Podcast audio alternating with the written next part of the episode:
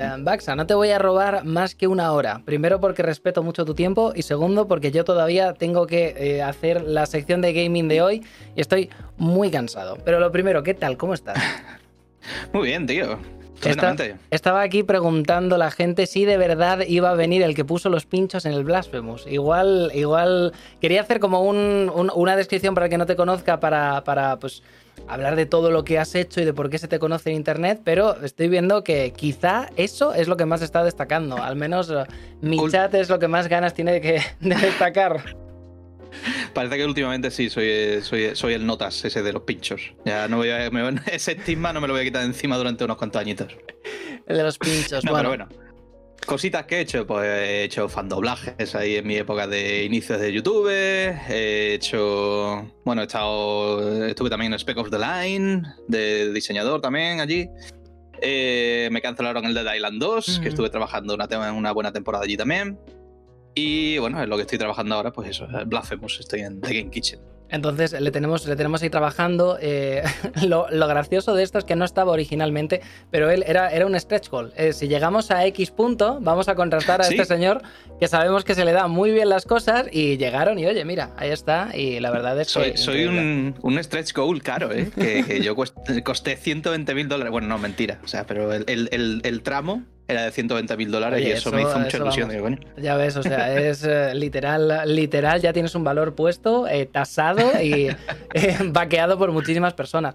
Eh, pero bueno, sí, te conocemos de eh, eh, doblajes que has hecho, que pues algunos de ellos súper míticos, las series de Ego Raptor animados, el de Hay un hombre en el bosque, o sea, animaciones y locuciones súper, súper chulas. Además de esto, eh, sabemos el, el trabajo que hiciste dentro de la industria como desarrollador y diseñador, que fue muy chulo. Y luego después, eh, ahora mismo, pues mm, nada, em, Blasphemous es lo que estamos viendo, un DLC que ha salido hace nada. Primero, enhorabuena por el millón de copias que tenéis ya, que celebrasteis hace, hace nada, que joder, para un juego español es, Sí, es sí. una barbaridad, es una barbaridad. Ahí está dentro de mi, Sí, sí. mi colección de, de memorabilia de Blasphemous. Ahí tengo mi cuadrito del millón. Sí, sí, sí, joder. El fondo que tienes es perfecto. eh, Perfecto para el tema para el que vamos a hablar. Porque eh, la gente que lo está viendo resubido ya lo ha visto porque está, está en, el, en el título, pero para la gente que no. Eh, que tenga la, descripción cortita de simplemente que vamos a hacer un minicast cortito aquí en, en Twitch, básicamente vamos a hablar de una noticia que eh, hay mucha gente como que se está llevando las manos a la cabeza o lo que sea, pero no es una noticia nueva y no es una noticia que vaya a ser solamente hoy, se va a repetir eh, bastante. Entonces, eh, quería hablar con Pablo, con, con porque él es un coleccionista empedernido de todo lo que tenga que ver con el físico, ya sea libros, ya sea videojuegos, ya sea versiones especiales, ya sea, ya sea cartas, ya sea prints, ya sea figuritas, ya sea lo que sea. Y yo soy un poco su. soy, soy, soy un poco su antiforma, porque pues. eh, eh, he, cometido, he cometido pecados muy graves contra, contra eh, lo que es el coleccionismo de videojuegos, como pues alguna vez haberme deshecho de alguna caja de algún videojuego para hacer el formato este de tengo todos los CDs en un, en un porta CDs o cosas similares. Eh, Oh. pósters, pósters que se regalan cuando te vas a comprar una versión de un juego y decir a la tienda, no, no, no, solamente quiero el juego, gracias. No quiero, no quiero, no quiero la print o no quiero el póster. O directamente pillarlo todo digital, a- llega Coach Media, guau, te vamos a mandar una versión eh, limitada, solamente hay 150 en el mundo, nos han llegado 15 y eres uno... Y yo, mm, ¿me podéis mandar un código mejor? De, casi me dejaron de hablar los de Coach Media, o sea, cositas de estas. Eh, no voy a decir que no... Sí. mm, que no me gusta el formato, el formato físico, sí que me gusta. De hecho, por ejemplo, Daños and Dragons, que es mi otra, mi otra gran afición, siempre compro todos los libros de Daños and Dragons. De hecho, los compro en digital, en físico, y si los voy a jugar en el canal, los compro en una aplicación que simplemente te exporta los mapas. Los compro hasta tres veces, soy imbécil. Pero, aún con todo, todo lo que es el tema de los videojuegos, para mí es muchísimo más cómodo el, eh, el- el no hacerlo. Ahora hablaremos un poquito de dónde viene ese, ese factor coleccionismo. Podemos debatir sobre las, los beneficios, las ventajas y los inconvenientes del físico y del digital. Y pues ya podemos ir elaborando un poco sobre eso. Me interesa mucho la, eh, la perspectiva que tienes tú desde dentro de la industria, porque muchas veces cuando hablamos de los pros y de los contras, que esto sería adelantarnos un poco, también se habla de que eh, cuando lo compras en físico, pues quieras que no, siempre lo puedes revender, que no puedes porque has comprado una licencia, pero el juego legalmente no es tuyo. Se habla de que si te lo compras en Steam estás comprando una licencia de uso, pero no estás comprando el videojuego y en físico lo tienes para ti. Realmente es mentira. Antes venían los juegos dentro con su, con su libreto de 40-50 páginas a todo color y luego había un papel que no miraba a nadie. Y ahora solamente viene el papel que no mira a nadie. Ese papel pone, oye, esto es una licencia de uso, pero no es que el juego sea tuyo. O sea, no puedes reproducirlo, no puedes ganar contenido con esto, no puedes vender. Es una licencia de uso que has comprado y que está en formato físico. Pero eso no significa que, pero con todo, pues eh, las grandes empresas no, no persiguen, vamos a decir, el que vendas tu juego en GameStop o que lo pongas en Wallapop, pero si quisiesen ponerse tontos, se podrían poner tontos. Y pues em, la noticia de ahora nos lleva a esa.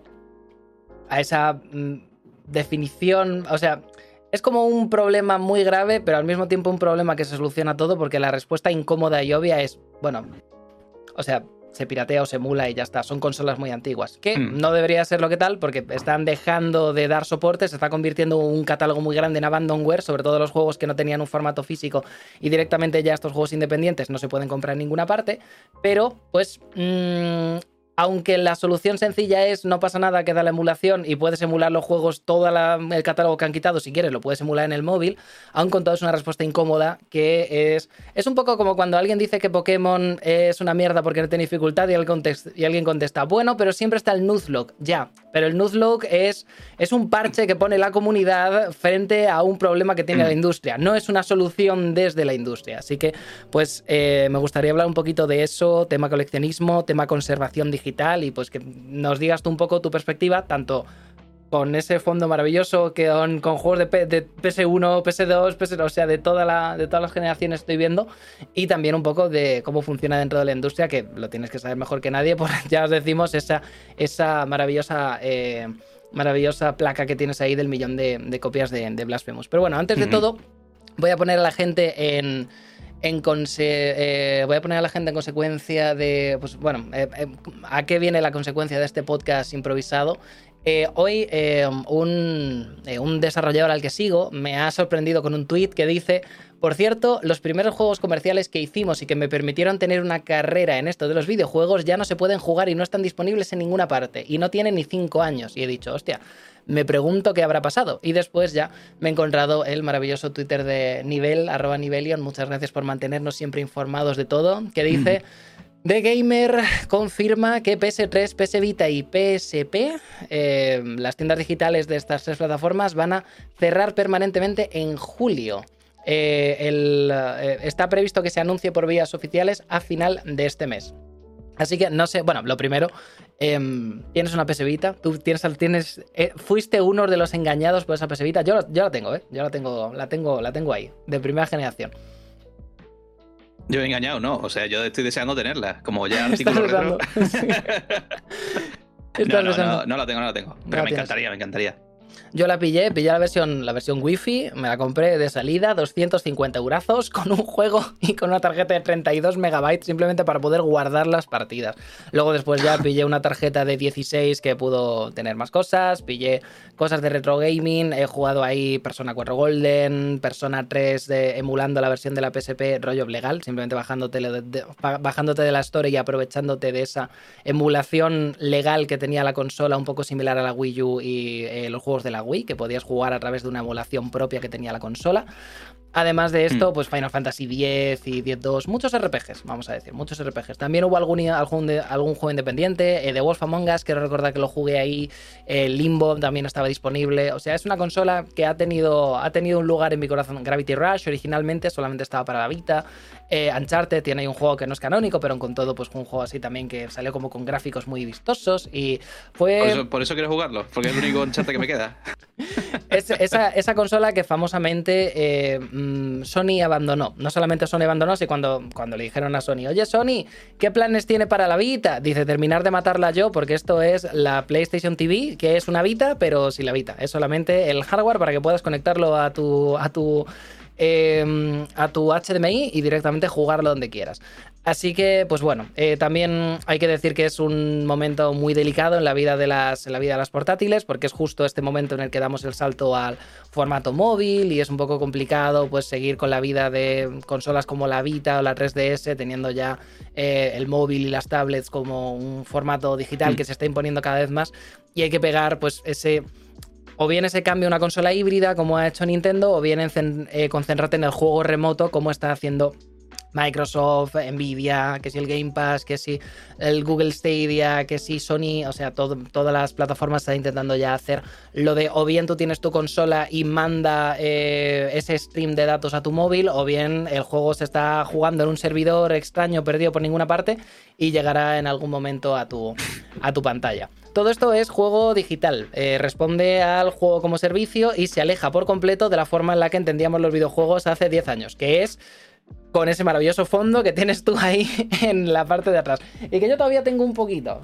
Poco, tengo bastantes menos cajas, pero tengo todavía ahí, tengo todavía algunas cosas. Sigo teniendo mi colección de Has sustituido toda tu colección por, por eh, espuma para insonorizar.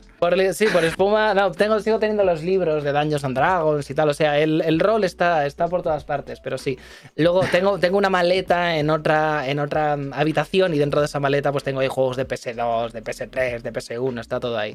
Pero todavía tengo aquí en mi habitación a buen recaudo, pues lo típico, los Final Fantasy, algún Kingdom Hearts, todos estos maravillosos juegos que te quedas porque, pues bueno, son, son infancia estas cosas. Entonces, em, es curioso porque quería traer a Pablo, porque él era como súper coleccionista y muy del formato físico y tal.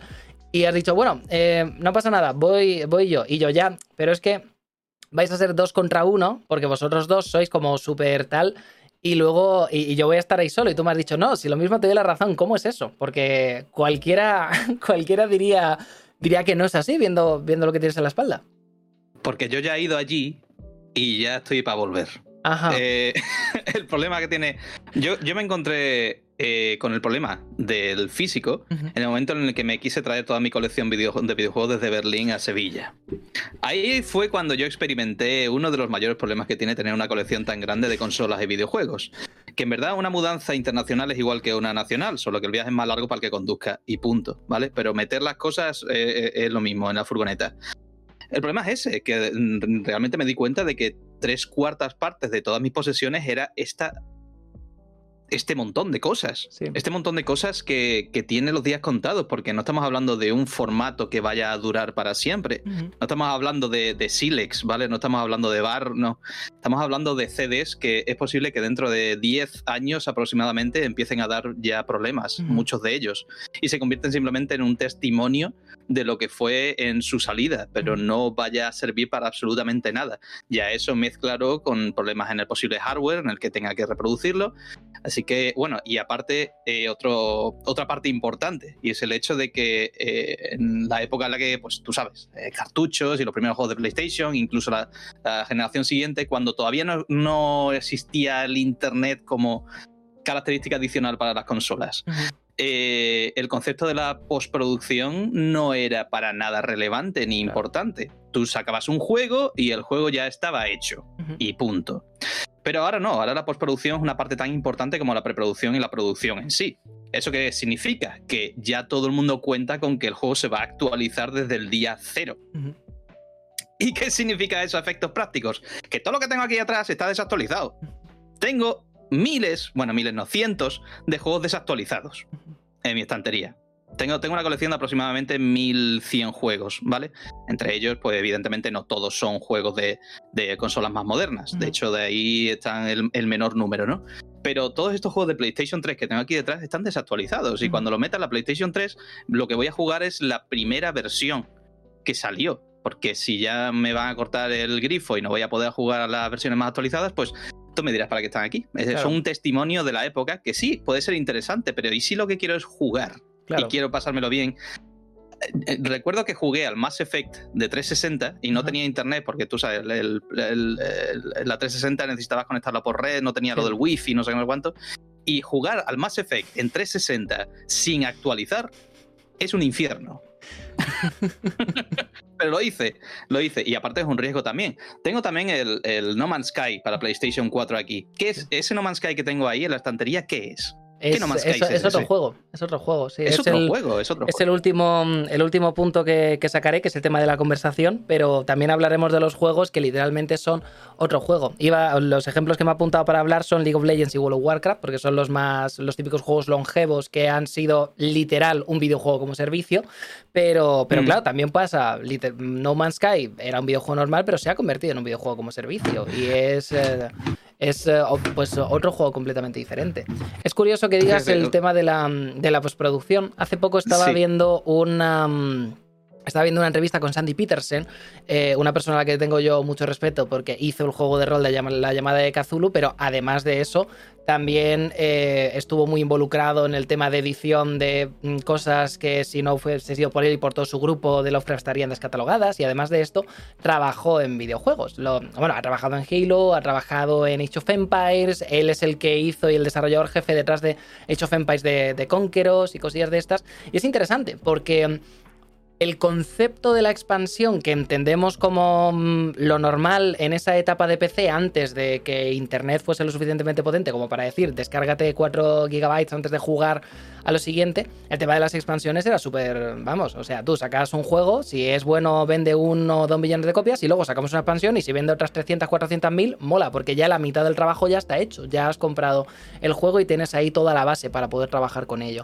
Y él sacó Mm. la idea un poco de los módulos de rol, diciéndole a. "Oye, Bueno, aquí en Ensemble Studios nos estamos, estamos pensando en sacar una versión de romanos. ¿A quién no le gustan los romanos? Pues tenemos ahí a los griegos, tenemos a los mesopotámicos, ahora sacamos el Rise of Rome y con esto tal. Entonces luego Microsoft dijo: Mira, mm, no me cuentes tu vida, esto no va a funcionar nunca. Y dos meses después dijeron: Buah, se nos ha ocurrido una idea increíble, expansiones. Y Sandy Peterson, hostia, mm, lo sabía, no, no se me habría ocurrido nunca. Y ya empezaban a trabajar con eso. Entonces es muy Mm. curioso porque muchas veces ese parche postproducción se ocurría con eso. Recuerdo muchísimos problemas cuando yo era joven jugando Diablo 2 que se solucionaron en el Lord of Destruction, pero que tenías que comprarte el Lord of Destruction para poder no solamente jugar dos clases nuevas y una Mm. campaña más, sino para solucionar muchas cosas del juego base que si no, pues lo que dices tú, no funcionaban y no había otra Sí. forma de, de parchearlo. Eso es curioso porque hace poco, fíjate, me, me compré una unidad de DVD, porque ya, ya es que los DVD y los CD pues no, no sirven para absolutamente. Ya poco a poco es el formato físico, ya es que incluso los ordenadores ya casi nadie lo usa. Pero hace poco me dio por comprar uno y lo primero que me instalé fue esto, Ojo, el Blade. Blade. El Dark Souls español, ¿no? Que lo llaman. Eh, me lo instalé. Eh, aparte de que era extremadamente incompatible con mil millones de cosas, porque ya mm, el juego se publicó en el año 2000 o 2001, no me acuerdo, han pasado ya pues 20 años. Entonces imagínate si hay que hacer malabarismos con los drivers y tal igual para poder jugar mm, relativamente bien. Bueno, pues eh, una de las cosas que contaba José Ra Luis en un hilo de hace que publicó hace poco sobre el, el 20 aniversario de Blade era que eh, jugarlo sin el parche era básicamente un riesgo porque podías perder todo el todo, eh, mm, todo el progreso. Hostia. En plan de, joder, o sea, tengo el juego aquí, el Ujú. juego de hace 20 años, y ya por entonces empezaban a ocurrir estos problemas de postproducción. Ya es que básicamente necesitabas ese parche que publicaron un poco más para adelante para poder tener una buena experiencia. Así que, de nuevo, incluso este juego tiene sus problemas. Claro. Entonces, eh, es. El, el- el- el riesgo es constante y, y el hecho de, claro, estar conectados ahora en, en una tienda online y que te procuren esos parches continuamente y que vayas a jugar la última de las versiones posibles sin ni siquiera tú preocuparte, eso es un avance brutal. Entonces, yo entiendo el, el valor que tiene el tener todo esto aquí atrás, ¿vale? Es- es- está muy bien tener aquí un testimonio de lo que fue el juego en la época y poder jugar la, no sé, la experiencia pura. Pero es que no es verdad. Es. es esto se, se. ¿Cómo se diría? Se prostituye un poco a partir de que empezamos a jugar juegos que ya tiraban de parches. Mm. O sea, el- a partir de la época de la 360 y PlayStation 3, ya la cosa cambia radicalmente. Ya nada es lo mismo. Sí, estaba. eh, o sea, eh, para mí el momento en el que cambió fue con eh, el Kingdom Hearts 3 by Sleep y con eh, también el, el Dissidia 012, creo, esta especie de Tekken de Final Mm. Fantasy. Recuerdo de meterlo en la, en, la, en la PSP, meter los originales y que me dijese, se recomienda jugar a esto con una tarjeta de un gigabyte eh, dentro de la consola, porque deberíamos de instalar 400 o 500 megabytes dentro de la consola. ¿Para qué? Para que vaya rápido, porque si no, los tiempos de carga Mm. son lentísimos. Ah, bueno.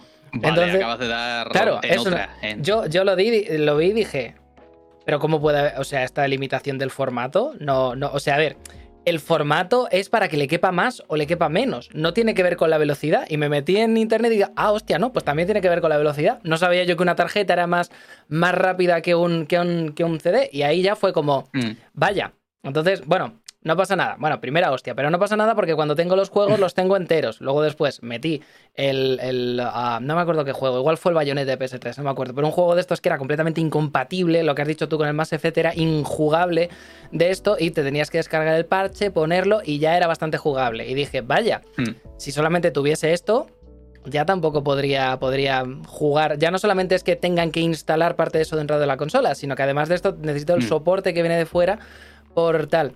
Bueno, ¿qué le voy a hacer? Pero luego ya la, última puntilla, vamos a decir, fue en, la época de PS3 y de Xbox 360, se intentó luchar mucho contra pues, el segundo tema que trataremos después de los pros y los contras, que es ese tema de las licencias, de que licencias quieras o no mm. quieras. Nada, en Steam compras una licencia, no, en físico compras una licencia también.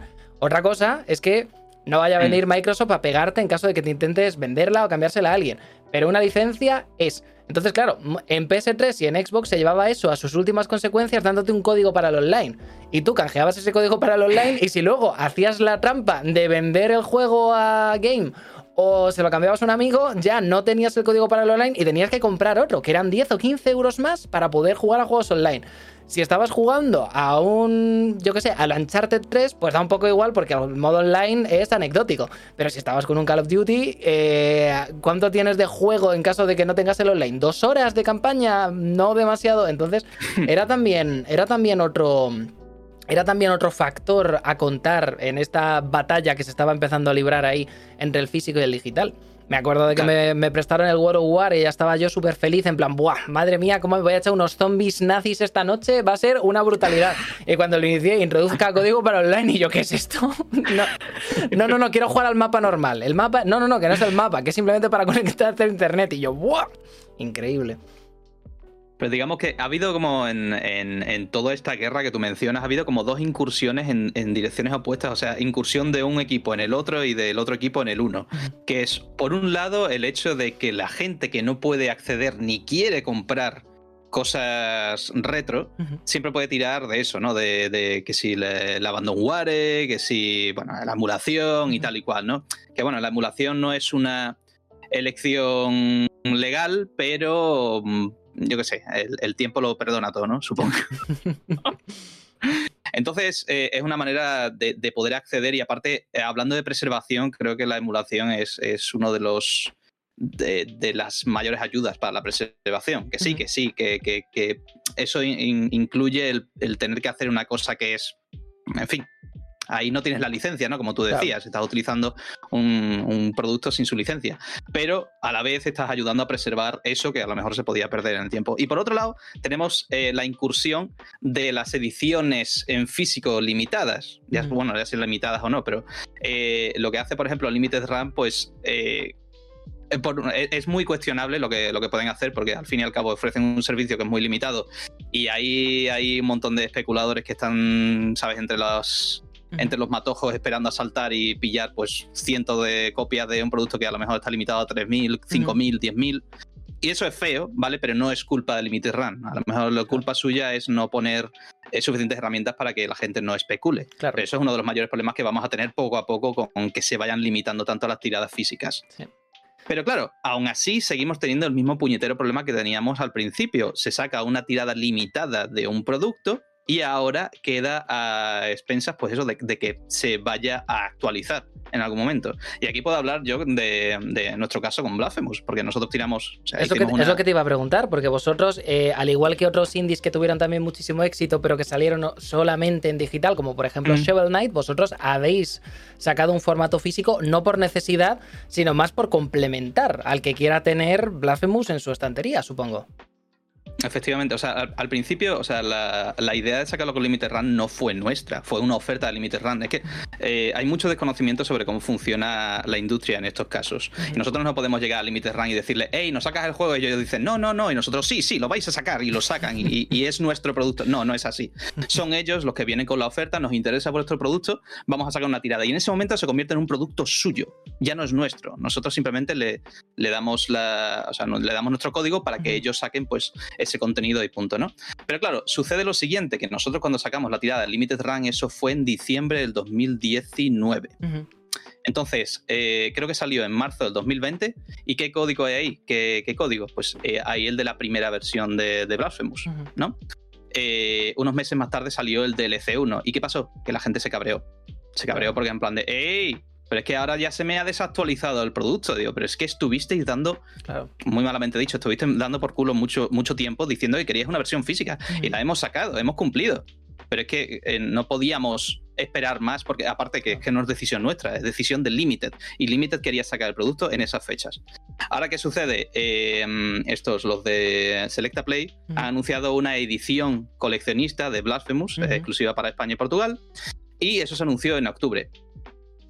¿Qué sucede? Se anuncian los contenidos, la gente lo pilla y nosotros continuamos con nuestro trabajo como es habitual. Ha salido el DLC 2 y la gente empieza a preguntar si va a contener DLC 2. Y por temas de logística es, es muy probable que no, porque ese código se mandó en noviembre, creo. Entonces, de nuevo, la gente se va a cabrear mucho potencialmente. Pero es que esto, esto funciona así. Esto no es una cosa. La, tirada física no se hace una semana, una semana antes de que se venda. Claro. Se hace mucho tiempo antes. Claro, claro, Entonces, ese tipo de cosas es que no se puede ir en contra de, de la logística de estas cosas. Claro. Es que no, no, es fácil, no es para nada fácil. Y a mí me, me, fastidia, porque evidentemente yo quiero que las cosas hagan bien, yo quiero que la gente esté contenta. Y ahora mismo estoy hablando desde el otro lado. Estoy hablando desde el lado en el que soy un desarrollador y quiero que la gente tenga lo que quieren. Pero no es fácil. No es fácil. Pues, no es para eh, nada fácil. Es, um, es, interesante y en este tema de, pros y los contras creo que estamos bastante de acuerdo en las, las ventajas que tiene el digital eh, frente al físico, pues por lo que estamos diciendo, tener el producto actualizado, saber que lo que tienes es eh, una copia que luego después en caso de que estés en PC, mm, depende ya luego si estás en consola, qué consola, pero si estás en PC vas a poder acceder a ese producto con tu copia, a pesar de que eh, hablaremos luego después de, de, temas como por ejemplo Google Games, que sí que utilizan un poco PC Box para hacer una emulación legal de juegos que no se podrían jugar de otra forma porque un juego en 2 ahora no lo puedes correr en Windows 10 ni queriendo. Entonces, pues un poco eh, esa, mm. esa licencia también muchas veces está limitada no por el formato físico como puede ser un CD que pierda fidelidad o que se raye, pero sí por el, por, por el avance del hardware que al final es tanto que luego no puedes seguir el ritmo, seguir haciendo, seguir abriendo un juego que se juega en 480p, por ejemplo. Pero... Mm, Em, además de esto, pues las ventajas de la inmediatez. De tengo un código, compro un código y directamente ya me lo descargo y a jugar. Las ventajas de solamente tengo que llevarme mi consola y puedo acceder a todo lo que haya tenido en, mi perfil de la consola. Eh, en caso de que tenga una mudanza, como decías tú. Yo, pues, Efectivamente. Eh, claro, hace el año pasado, no, hace ya dos años eh, estuve trabajando en Corea dos meses y claro, yo tengo que seguir haciendo mi trabajo, yo tengo que seguir haciendo series, tengo que seguir haciendo directos qué cómodo, qué tranquilo voy yo en el avión sabiendo que con un portátil de 17 pulgadas puedo seguir haciendo mi trabajo, jugando absolutamente todo y no tengo que llevarme 4 o 5 cajas de nada para poder seguir jugando. Qué bien. Además de esto, pues bueno, eh, luego ya es, una cuestión. Es una cuestión también de la tienda a la que estés tirando. Si tiras a Nintendo menos, pero si tiras a Steam, eh, cómo no decirlo también, el tema de la, oferta muchas veces de poder comprar un juego al 70%, 80% de descuento cuando la cosa se vuelve loquísima, también es algo que la comunidad de PC está, está acostumbrada a tener. Entonces, son todo muchas ventajas que al final eh, terminan haciendo que la tendencia sea que de aquí al futuro el digital se vaya poniendo. Pero también hay que dar un poco ventajas del, formato físico. No todo va a ser esto. Y una de mm. ellas, la, primera y principal, es la noticia que nos ha traído hoy. Eh, cuando tienes un perfil en el que a lo mejor has comprado 20 juegos, yo fácilmente puedo tener unos 20, 20 y tantos mm. juegos digitales en la PS3 que ahora voy a perder. O sea, puedo comprarme un disco duro y descargarme todos los juegos e ir haciendo backups en el disco duro para asegurarme de tenerlo ahí. o, los pierdo. O sea, no, no, hay más, no hay, no hay otro acceso. Y exactamente igual en PSP con lo que tengo en digital en PSP. Y exactamente igual en Vita, que en Vita lo tengo prácticamente, menos el persona, menos el, juego este que era como un Monster Hunter muy oscurito que salió, que salió de salida, que me vino en el pack en el que compré la consola.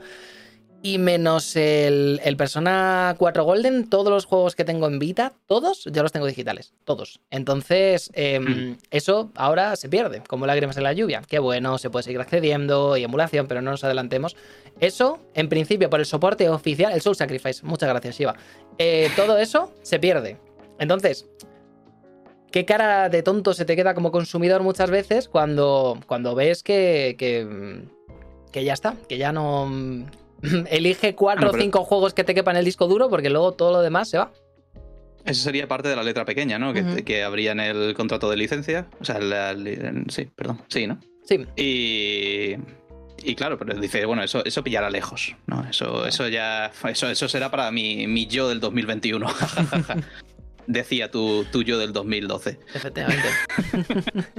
pero claro, eh, Ahora, ahora es lo que hay. De todas formas, también lo que, lo que sucede, e-, este tipo de cosas es un recordatorio de lo que puede pasar. Pero realmente eh, creo, creo que donde nos pueden. Lo que nos acojonaría más sería perder nuestra, nuestra librería, por ejemplo, de Steam, ¿no? o, todos los juegos gratis que nos hemos llevado de Epic, por ejemplo. Quedaría rabia, ¿no? Tener que otra vez todas las semanas estar ahí. Eh, pero realmente eh, cosas como la de, la de Valve, que bueno, a no ser que haya un incendio en un edificio lleno de servidores como pasó hace poco, eh, dudo que sucedan porque antes de que se desaparezca la tienda de Valve, antes lo comprará otro para, mantener ese, ¿sabes? Ese, ese mogollonazo de usuarios que tienen. A lo mejor lo pilla Tencent o a saber que otro monstruo empresarial lo podría pillar. Pero dudo, dudo mucho que, lo que más nos aterra, que es perder nuestra librería de Steam y tal, pueda suceder. Eh, pero claro, esto lo dicho, es un recordatorio de que sí puede suceder si estamos comprando pues licencias en consolas de. o sea, sí, en, consolas. Es que en, PC, eh, por, por la naturaleza del PC, es que por mucho que, el PC, Claro. Claro, es exactamente. Es que no va a ser en plan de, oye, que ya se han desactualizado los PC, que ahora cuando te compres el siguiente ya no te valen los juegos de Steam. De... Es que no tiene sentido, es que no sé ni cómo hacer esa coña. Eh, pero eso, la licencia de PlayStation 3, en, fin, y era la primera tienda digital en consola, ¿no? De sí, o sea, de las... Había servicios ya en Xbox y en, y en PlayStation 2 para poder conectarte vía LAN y había algunos juegos que tenían soporte, que incluso 16 contra 16, o sea, había juegos que ya tenían una estructura bastante interesante de juego online mm. en esa generación, pero empezó a verse ya como un servicio normal de la consola en la PS3, sí, a partir de, ese, de ese momento. Es curioso cuando la gente viene con el, con el hombre del hombre del saco. Siempre que sale el tema del físico y del digital, viene el hombre saco cuando diciendo: Cuando venga Sony a quitarte tus juegos. Y es como, o sea, entiendo el punto que quieres hacer, pero es un punto erróneo. A Sony no le interesa restarle eh, la librería de lo que ya ha pagado el consumidor para que deje de acceder a esos productos y por tanto juegue a menos juegos de Sony. A Sony lo que pasa es que a lo mm. mejor no le interesa. Si hay mil descargas de X títulos y 500 compras al mes, mantener unos servidores que tienen unos costes mucho más altos. Pero insisto, mm. ahora estamos mirando a Sony en plan, joder, Sony, qué cabrones, pero la DS, la 3DS, la Wii, no sé cuándo la Wii U, o sea, Nintendo esto lo hace, lo hace, pero vamos. Y lo mismo ni te avisa, ¿sabes? O sea, no es la primera vez que hemos visto que esto pase y mm, no sé si será la última, teniendo en cuenta que la PS4 mm. ya es eh, retrocompatible, la 5 con la 4 y se supone que también de esto luego mm, la dijeron dijeron en el en la E3 técnica que todos los desarrolladores estaban en plan, ¡buah! Esto va a cambiar el mundo. Y todos los. La gente que simplemente estaba jugando en plan, pero ¿qué he visto? Una hora de un pelirrojo hablando de, microchips, que, estoy muy confundido.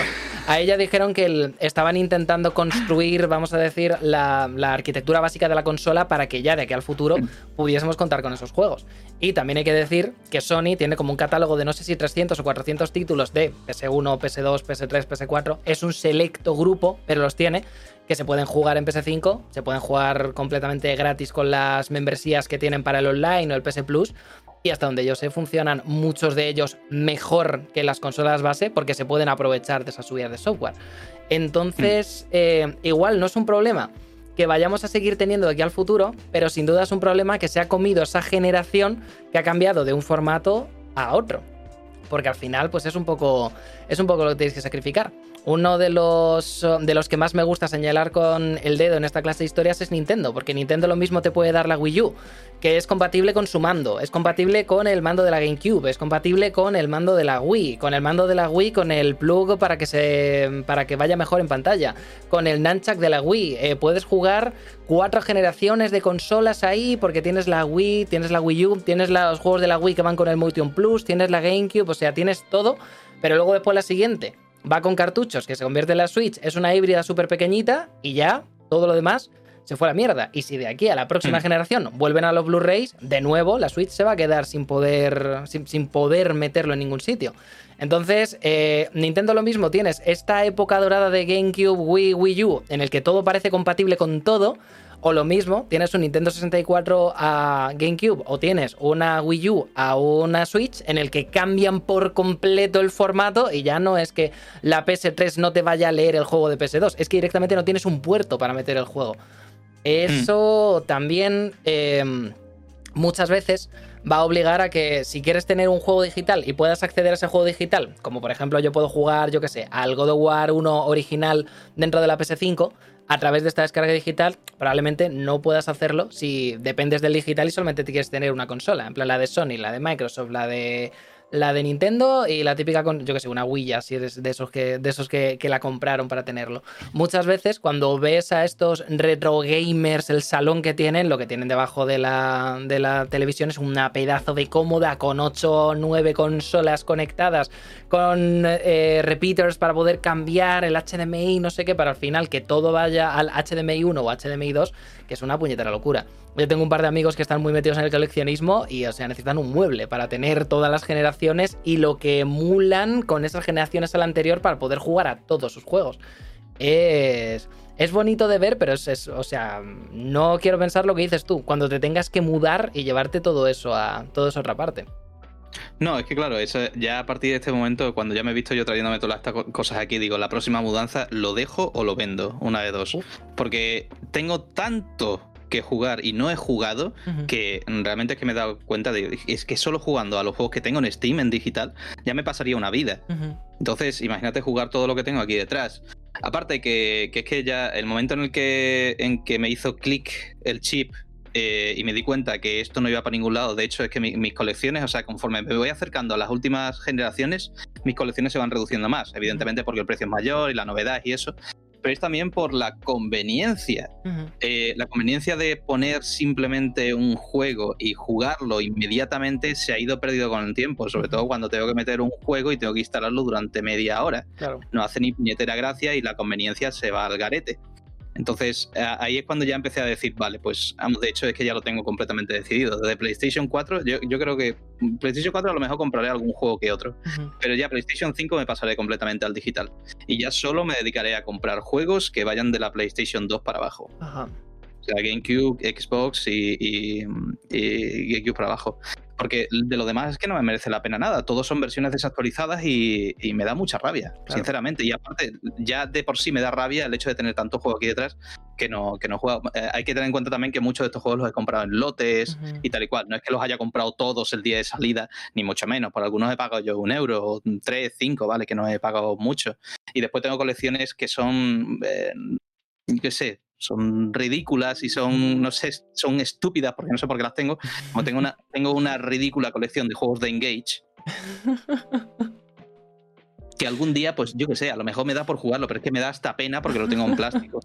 ¿Vale? Entonces, es material que tengo ahí, pues por mucha curiosidad que me dé el jugarlo, probablemente terminaría jugando un, backup, ¿sabes? Descargándome el ROM. O, o, o yo qué sé, o no jugándolo directamente, porque no sé, a lo mejor algún día me entran ganas de jugar Call of Duty de la Engage, que funciona a dos frames por segundo, pero probablemente no, probablemente eso nunca suceda y probablemente lo venda. Es que no sé, el tema del coleccionismo. Es más, yo cuando he entrado en este ciclo de comprar cosas para mi colección, era más por la ilusión de tener ese juego, de tenerlo delante de ti, por todo lo que significaba para ti. Hay gente que tiene recuerdos muy bonitos de ciertos juegos. Y eso es lo que quieres atesorar, ¿vale? El juego que te dio esos, esos buenos recuerdos. Pues después a lo mejor ni lo juegas. Sinceramente, yo qué sé, tengo ahí todos los, los Castlevanias, que es mi saga preferida. Pero por muy caros que me salieron los Castlevanias de la Nintendo, que tengo los tres, no los he jugado. realmente. Bueno, creo que jugué el 1, pero los demás me compré el Castlevania Collection de la Switch y me los he jugado ahí. Porque por conveniencia era más rápido de descargar, eran muy fáciles de jugar, podía grabar estados y me podía pasar los juegos. Esa es otra, que, que- que los juegos antiguos no eran fáciles, ¿vale? Entonces, eh, no sé, hay, hay muchos factores que entran ahí. Yo sé que, que Kaiz, eh, si estuviese aquí, lo- seguramente defendería mucho más a capa de espada que yo el tema del coleccionismo. Yo soy un coleccionista que, que ha dicho hasta aquí. Hasta aquí porque ya empieza a no tener sentido esto. Ya Pero vamos, que seguiré comprando. Me, me gusta, o sea, mi, mi colección. Mi colección preferida es la de PlayStation que tengo aquí detrás, que es que no se veía, pero tengo, la tengo por ahí, la tengo tapada por cosas, ¿vale? Yo tengo, tengo 250 juegos aproximadamente de la PlayStation 1 y me encantan. Y me da igual comprar, o sea, tengo el juego de la Mary Kay Ashley esta de las hermanas Olsen, Sí. tengo ese juego, tengo, tengo un montón de juegos. mm, No, eh, joder, ¿tienes, estúpidos, ¿tienes, pero- alguna, ¿tienes alguna joyita chula? El, el eh, ¿cómo? Nocturn- Nocturnal Creatures, por ejemplo. Ese. Ah, Nightmare Creatures, sí. El Night- Night- Nightmare Creature, por ejemplo, sí. Ese, joder. O sea, hay algunos juegos de estos típicos que son como Joder, ese. El ah, Legend of Dragoon, que tuvo una tirada muy, muy baja en España. O sea, hay algunos juegos de estos que sean Ese mejores. Claro, sean mejores o peores, luego los buscas y son, pero absurdísimos. O sea, salen. Mira, lo más absurdo, la, la mejor, la mejor compra que me ha salido es esta, esta eh, versión de, de prensa Ajá. del Team Buddies, que es un juego muy, muy jodido de conseguir, que parecen los bichos de la Mo- no, de, de los Fall Guys, Sí. de los Fall Guys con metralletas. Pues esto, que era una, una versión de prensa, tú buscas este juego original en español o en inglés, da igual, y te puede costar más de 150 euros. Y me Madre costó mía. 3, porque creo que el que lo vendía no sabía lo que vendía. Después tengo ahí un Doom firmado por John Romero, un Doom de PlayStation. Madre mía. Le tuvo que joder firma eso, pero bueno. Eh, tengo, tengo cositas guapas y, y lo dicho, la, la- la colección de PlayStation es la, es la que más cariño le tengo porque yo era, yo era de PlayStation, yo no era de Nintendo en mi infancia. Esa, mm, Entonces- esa, mm, esa ilusión la he compartido yo también. Lo típico de eh, volver del, del Carrefour con tus padres y abrir el juego para leerte el manual e ir viendo qué era lo que ibas luego después a poder jugar en lo que llegases a casa. El Claro, leerte bueno. por la parte de atrás, ver las, las, ah, las fotos. ¡Wow! Madre mía, un Pokémon Mm. nuevo. Me voy a leer el manual entero antes de instalarlo. O sea, esos recuerdos. Esa, esa es otra, porque yo la, la colección empecé a agrandarla cuando yo vivía en Alemania, porque allí el tema de- del coleccionismo era mucho más barato. Sobre todo si me traía juegos de Reino Unido, los envíos eran de 2, 3 euros. Y entonces era muy fácil hacer colección. Pero en España es que el coleccionismo es muy caro, el coleccionismo de PlayStation. ¿Por qué? Porque todo el mundo pirateaba y las tiradas aquí eran muy bajas. O yo qué sé qué pasó con los juegos de PlayStation. Es como si hubiese hubiese 10 veces menos cantidad de lo que debería haber. Entonces, eh, eh, la mayoría de los juegos que tengo ahí son alemanes realmente. Pero claro, alemanes que los juegos eran inglés y tal, entonces no me importa jugarlos así, ¿sabes? Además, sigue siendo PAL, Pero- ¿no? Hay compatibilidad con las teles de aquí, vaya. Claro, claro. Sí. Claro, claro, sin problema. Pues eh, eh, está muy bien que justo hablemos con esto porque nos engancha con el, con el siguiente punto. Está muy bien los pros y los, y los contras del digital. Ya digo que me, me- me quema un poco no haber podido traer a Pablo porque Pablo habría dado un contrapunto que no habría sido tanto eh, el, el Bache y yo que hemos estado aquí como pasándonos la pelota de ping-pong, pero no estamos, no estamos intentando, ¿sabes? No estamos jugando, estamos mm, peloteando, sin más. Eh, pasando, la Mm. pelota se mueve pero tampoco está yendo a ninguna parte. Eh, Pablo seguramente habría sido un poquillo más, más crítico con esto. Pero está bien que hablemos Mm. de esto de las, ah, las compras en mercado de segunda mano, el tema del coleccionismo y tal, porque ya lo hemos dicho antes. o sea, tú cuando adquieres un videojuego, licencias quieras o no quieras. Cuando he empezado el directo he puesto el ejemplo de alguien que se va al rastro y compra eh, un cromo súper caro, el cromo de Mewtwo, que vamos a poner que sale en uno de cada 60 sobres. Tú puedes ir al rastro, puedes comprar el cromo de Mewtwo y no estás, entre comillas, haciendo nada ilegal, porque sí que es verdad que se crea un mercado, sí que es verdad que técnicamente eh, estos cromos deberían de eh, pagarse lo que los sobres que hagan falta para que salga el cromo que no sé qué, pero es un producto que se basa, vamos a decir, en la idea de intercambiarlo. Son cromos intercambiables o juegos de cartas Mm. intercambiables, trading card game, lo pone en el título. Así que si voy a una página que vende cartas de Yu-Gi-Oh y me compro un mazo directamente con la esta, no pasa nada porque se supone que son cartas que están pensadas para hacer eso. Pero si hablamos de una tirada limitada y yo me compro esos juegos para especular con ellos, o estamos hablando de eh, juegos que tuvieron muy poquita tirada y que ahora se pueden conseguir en digital en otra. O sea, yo puedo jugar, por ejemplo, a Diablo 2 en, digital, pero a lo mejor me hace ilusión tener una primera edición del Lord of Destruction y el Diablo normal, si los quiero pillar con su caja oficial, o bueno, o Monkey Island, sin ir más lejos. Puedo pagar 3 euros por Monkey Island, puedo darle al F5 y puedo jugarlo como lo habría jugado en, cualquier versión de la que tenía de los, de los años 80 pero como quiera pillar los floppies, mm, nos vamos, o sea, se nos va.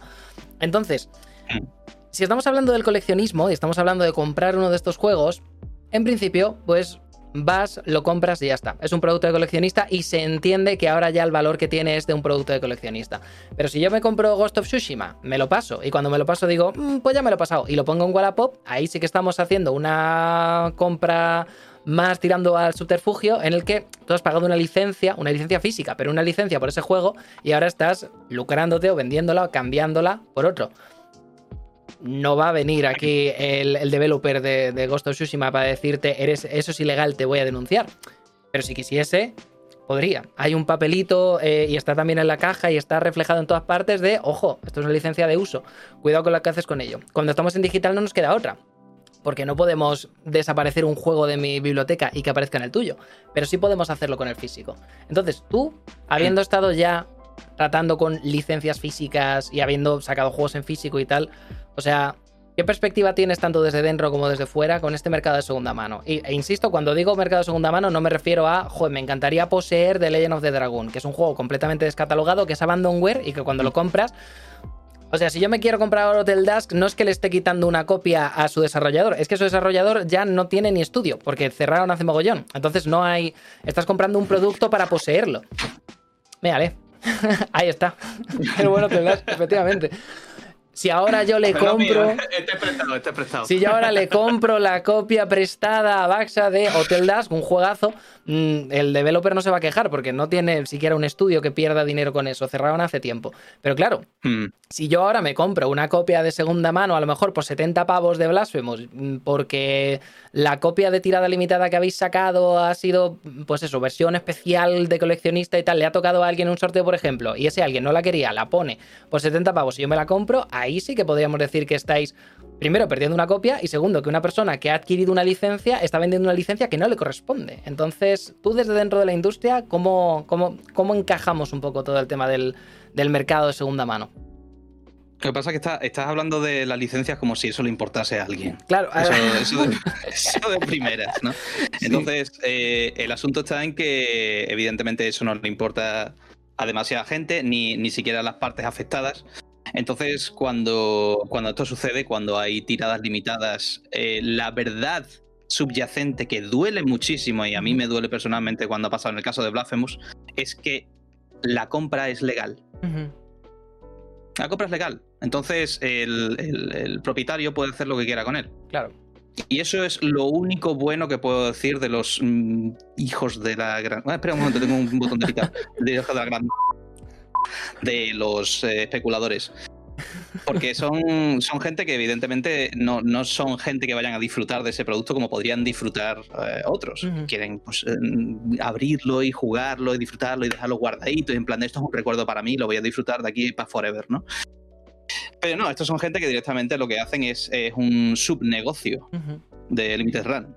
Entonces, eh, sí hay herramientas que se podrían, o sea, hay, métodos que se podrían usar para evitar que estos especuladores pues hagan ese tipo de tropelías, ¿no? Como por ejemplo el, limitar el número de ventas por, reserva, en plan de no, no, se pueden hacer más de dos reservas por, usuario, ¿no? Y ese tipo de cosas tuvimos que hacerlas porque la primera la primera tirada que hicimos, que fueron, no sé si mil unidades o dos mil unidades, no me acuerdo, para una de las de las dos consolas, no me acuerdo si fue PlayStation 4 o Switch, pero volaron en dos minutos. Y eso fue porque hubo usuarios que hacían pues pedidos de 20 a lo mejor o 30. Y eso es, es demencial, o sea, nos dimos cuenta de eso, ya era demasiado tarde, no contábamos con ese éxito abrumador, por desgracia, y entonces tuvimos que, no sé si fue Team 17 y tal, pues tuvo que hablar con, con Limited o Limited, intentó poner freno a eso, pues limitando eh, los pedidos a dos. Mm. Entonces ya no fueron tres minutos, ya fueron doce. Mm, bueno. Pero claro, eh, también existe la posibilidad de que alguien quiera hacer 10 pedidos para su grupo de amigos. Claro. O yo qué sé, o, mm, ¿tú considerarías especuladores a una tienda? Tú imagínate, bueno, eh, en cierto modo sí, porque sí y no. Porque pueden hacer el pedido, pero después a lo mejor solo lo encarecen lo suficiente como para sacar un margen de beneficio de 5 euros. Pero la inmediatez que tienes de ir a una tienda y encontrarte esa edición limitada eh, ahorrarte los gastos de envío porque te los incluyen ya y aparte le meten un 5 eurillos en plan de joder, es que lo puedo pillar aquí mismo. Eso es especular. Entonces hay tanto, hay tanta línea borrosa con ese tema que, me, da muchísima pena, porque realmente yo, yo sigo comprando en Limited Run y sigo comprando en, en Asia, no me acuerdo cómo se llamaba la, tienda esta, pero he, hecho compras de esas de vez en cuando porque sale una edición coleccionista que me interesa, ¿no? El Crossing Souls, que es uno de los pocos juegos que se han hecho aquí en Sevilla, pues le he, eh, pillado una Limited. El, el Anepic, que está por ahí detrás, eh, salió en una de estas tiendas de Asia y lo pillé. Entonces ese tipo de cosas a mí me, me encantan y seguiré haciéndolo, ¿no? Pero, no se puede hacer nada contra la especulación. Y por ejemplo, yo quiero el, mm, por continuar con mi colección de Castlevanias, eh, quiero comprarme el Curse of the Moon, el Bloodstained Curse of the Moon, que eso me lo perdí de Limited. Y ahora la segunda parte sí la he pillado ahora por 30, por 30 euros, muy bien, muy baratillo, pero el otro sé que me va a costar 80, 90, 100 euros si lo quiero pillar. Ya ahí me han cogido por los huevos los especuladores, porque sé que lo tienen. Pero voy a tener que. Voy a tener que. En fin, que ceder. ¿Recuerdas lo que pasó con lo de la PlayStation? Eh, no, PlayStation no, y, con la NES Classic y la Super NES Classic. Que se le fue la puta olla a los especuladores y empezaron a venderlo, a venderlo por 200, 300 euros. Muchísimo, muchísima pasta, sí aprovechándose de que Nintendo había dicho que eran ediciones muy limitadas. Y eso también han, querido repetir esta vez teniendo el control sobre ese tipo de, situación con el Super Mario 3D. ha, pasado, ha pasado con. Mm. Eh, o sea, lleva pasando muchísimo con los típicos amigos que solamente van a salir muy poquitos. Ha pasado con las mm. consolas de Nintendo típicas de te vienen con 20 juegos, lo conectas con HDMI, te viene con dos mandos y a correr. Y lo que dices tú, el Mario que ahora es copia, o sea, es limitada tanto física como digitalmente, que es como... ¿Qué está pasando? Lo, gracioso de lo que ha hecho Nintendo es que básicamente eh, ha dicho públicamente lo que de siempre ha estado ahí, porque todos los juegos tienen una tirada y en algún momento deja de haber tirada y ya está. O sea, realmente Nintendo no va a retirar esas unidades de la tienda en plan de, ¡uh! Llegó abril y nos lo llevamos. No, hombre, eso no lo van a hacer, pero van a dejar de producir unidades. Claro. Y eso es lo que hacen todos los puñeteros juegos. Lo que pasa es que nadie, yo qué sé, no va a salir el, de Last of Us 2 y va a decir unidades limitadas hasta junio del 2021. No, tío.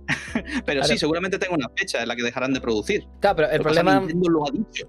Claro, el, problema, el problema de Nintendo no es ese. El problema es que también ha limitado la tirada digital. Entonces ya no es que si quieres tu tirada física tienes que comprarla en tal. Es que digitalmente estas tres ROMs, porque son ROMs, está demostradísimo que son ROMs, que son suyas y tiene derecho a hacer lo que quiera y está muy bien, pero está demostrado que son ROMs.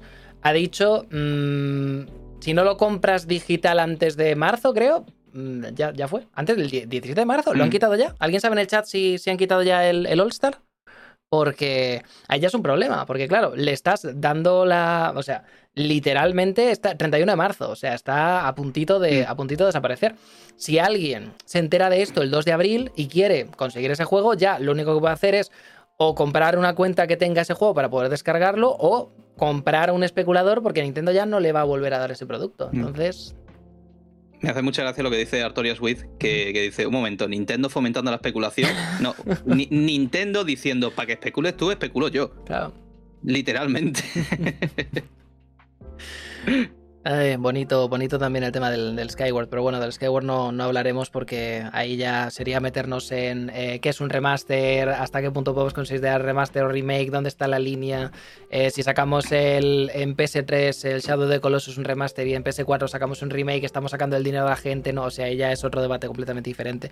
Pero bastante mm. curioso, bastante curioso, por ejemplo, por lo que van a hacer con Skyward, el hecho de coger un, un título de Zelda que todo el mundo recuerda como es un juego basado en una gimmick, no me gusta, es súper lineal, la historia no me dice nada. O sea, es uno de los celdas más criticados en su momento y ahora sale para Switch y ha cambiado tanto la percepción de cómo tenemos Nintendo en la Wii versus cómo tenemos Nintendo ahora que le estamos dando las gracias porque nos saque una versión un poquito escalada de uno de sus juegos que en principio eran menos populares y se convierte en top 1 de ventas en, en preventas, top 1 de Amazon en videojuegos solo en preventas. Es una barbaridad. Y luego después esta imagen famosa en Reddit de eh, Nintendo en 2001, el juego, la banda sonora del juego y un mando para que puedas jugar al juego por 70 euros. Nintendo en 2021, el juego por 60 y el mando por 70 por separado. Es como, ¿qué está pasando, por favor? Increíble. aquí podíamos meter el rollo de las preventas, porque eso también tiene. Mm, eso también tiene delito ahora. En, lo que es el, Lo que significa una preventa en físico y una preventa en digital. Ahí. ¿te, quieres meter tú ahí en ese berenjenar? Eh, ¿Quieres, ser tú el que diga algo? Eh, yo, vamos, no, no voy a ser. No voy a ser el que. El que. a ver, no voy a. No lo voy a. No voy a meter, pero no por. No porque tenga miedo de decir. ¿Qué significa una preventa en digital? Una preventa en digital. Una preventa en digital significa el. Hasta donde yo lo entiendo. Por ejemplo, un, ejemplo así al azar, sin mirar demasiado. Assassin's Creed, eh, Assassin's Creed Unity. Eh, si tenemos Assassin's Creed Unity y sabemos que hemos vendido ya X millones de copias, o por ejemplo con eh, con el Cyberpunk, en caso de que lo hayamos hecho, primero ya sabemos que tenemos un margen de beneficios X, pero a pesar de que está muy bien el decir te voy a dar un par de chucherías extra para empezar a tener dinero, aunque todavía no te he dado ningún producto, luego también es un problema porque ya mm, tienes que asegurarte de que va a salir en el momento en el que va a salir, los stakeholders y todo lo que sean los accionistas de la empresa van a apretar muchísimo más para que eso salga porque ya tenemos un compromiso con el consumidor, porque ya hemos hecho una campaña de preventa que alucina, si esto va a significar que si volvemos a retrasarlo 4, 5, 6 meses la gente puede cancelar o no sé qué, y al final pues bueno, mm. salen estos maravillosos juegos a medio cocer, que no es que, o sea, em, el término propio de la, de la, de la mm, eh, de la industria me lo dirás tú, pero son juegos como en estado salible. O sea, son salibles. No deberían de salir, pero están en un estado lo suficientemente bueno como para que salgan y en tres meses ya lo hacemos jugable. Pero claro, tenemos que llegar a la campaña de Navidad. Tenemos que llegar. O sea, es, una barbaridad. No, no, no, sé si eso corresponde a la descripción que has dado, porque nosotros pusimos en preventa el de Dylan 2. De Dylan 2. Que no salió. significa, eso lo que significase la época, ¿vale? Pero normalmente una preventa tiene unos incentivos. En físico es mucho más fácil de entender, porque los incentivos, pues, es lo dicho, ¿no? Un poste. Asegurarte que tienes tu copia también.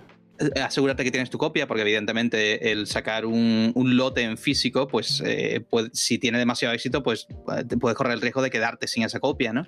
Eh, pero poco a poco, eso, la, en, físico ha dejado de tener tanto sentido, porque lo he dicho, ahora el digital, como que creo que la mitad de la gente ya compra en digital. Pero, ¿qué significa una preventa en digital?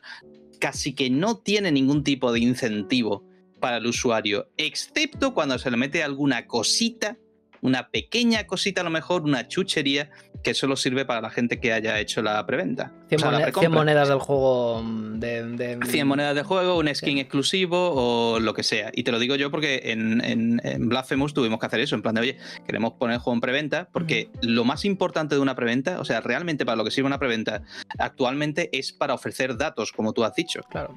Son datos súper útiles, súper mm, súper necesarios para que eh, pues el publisher o lo que sea pues pueda hacer ya sus cálculos y ya pueda estimar pues si merece la pena seguir creando contenido para ese producto o si se tiene que tomar más en serio ciertas cosas o si tienen que priorizar un producto por encima de otro porque eh, las precompras son mucho mayores. Entonces, hostias, entonces, claro, eh, por ejemplo, en, en, Blasphemous no podíamos ofrecer absolutamente nada. O sea, no éramos un juego de moneditas, no éramos un juego de quest, ¿sabes? Entonces, lo que ofrecimos era una skin exclusiva, porque no podíamos ofrecer más si no hubiésemos ofrecido algo, algo más.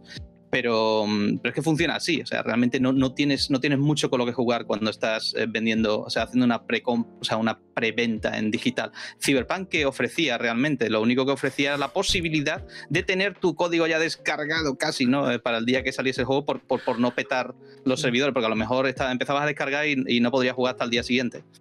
No lo sé. Eh, ¿Tú recuerdas si había algún tipo de incentivo por comprar Cyberpunk? La verdad es que no lo sé. Cyberpunk es, es un juego que cuando, mm, o sea, Sí que es verdad que me ha, interesado jugar, no, no, me he terminado de meter porque son juegos muy largos, RPGs de, de meterte muchas horas en The Witcher 2 y 3, pero mm. sí, que, sí que estuve siguiendo las precompras, estuve siguiendo la, eh, las, las, dinámicas que tenía los devs con los consumidores, los parches, eh, cómo iban saliendo, el feedback, los DLCs, o sea, el, vamos a decir, el contrato social que tenían con sus consumidores era muy bueno y luego después en, en Cyberpunk fue terrible, pero bueno, ya había muchísimos más.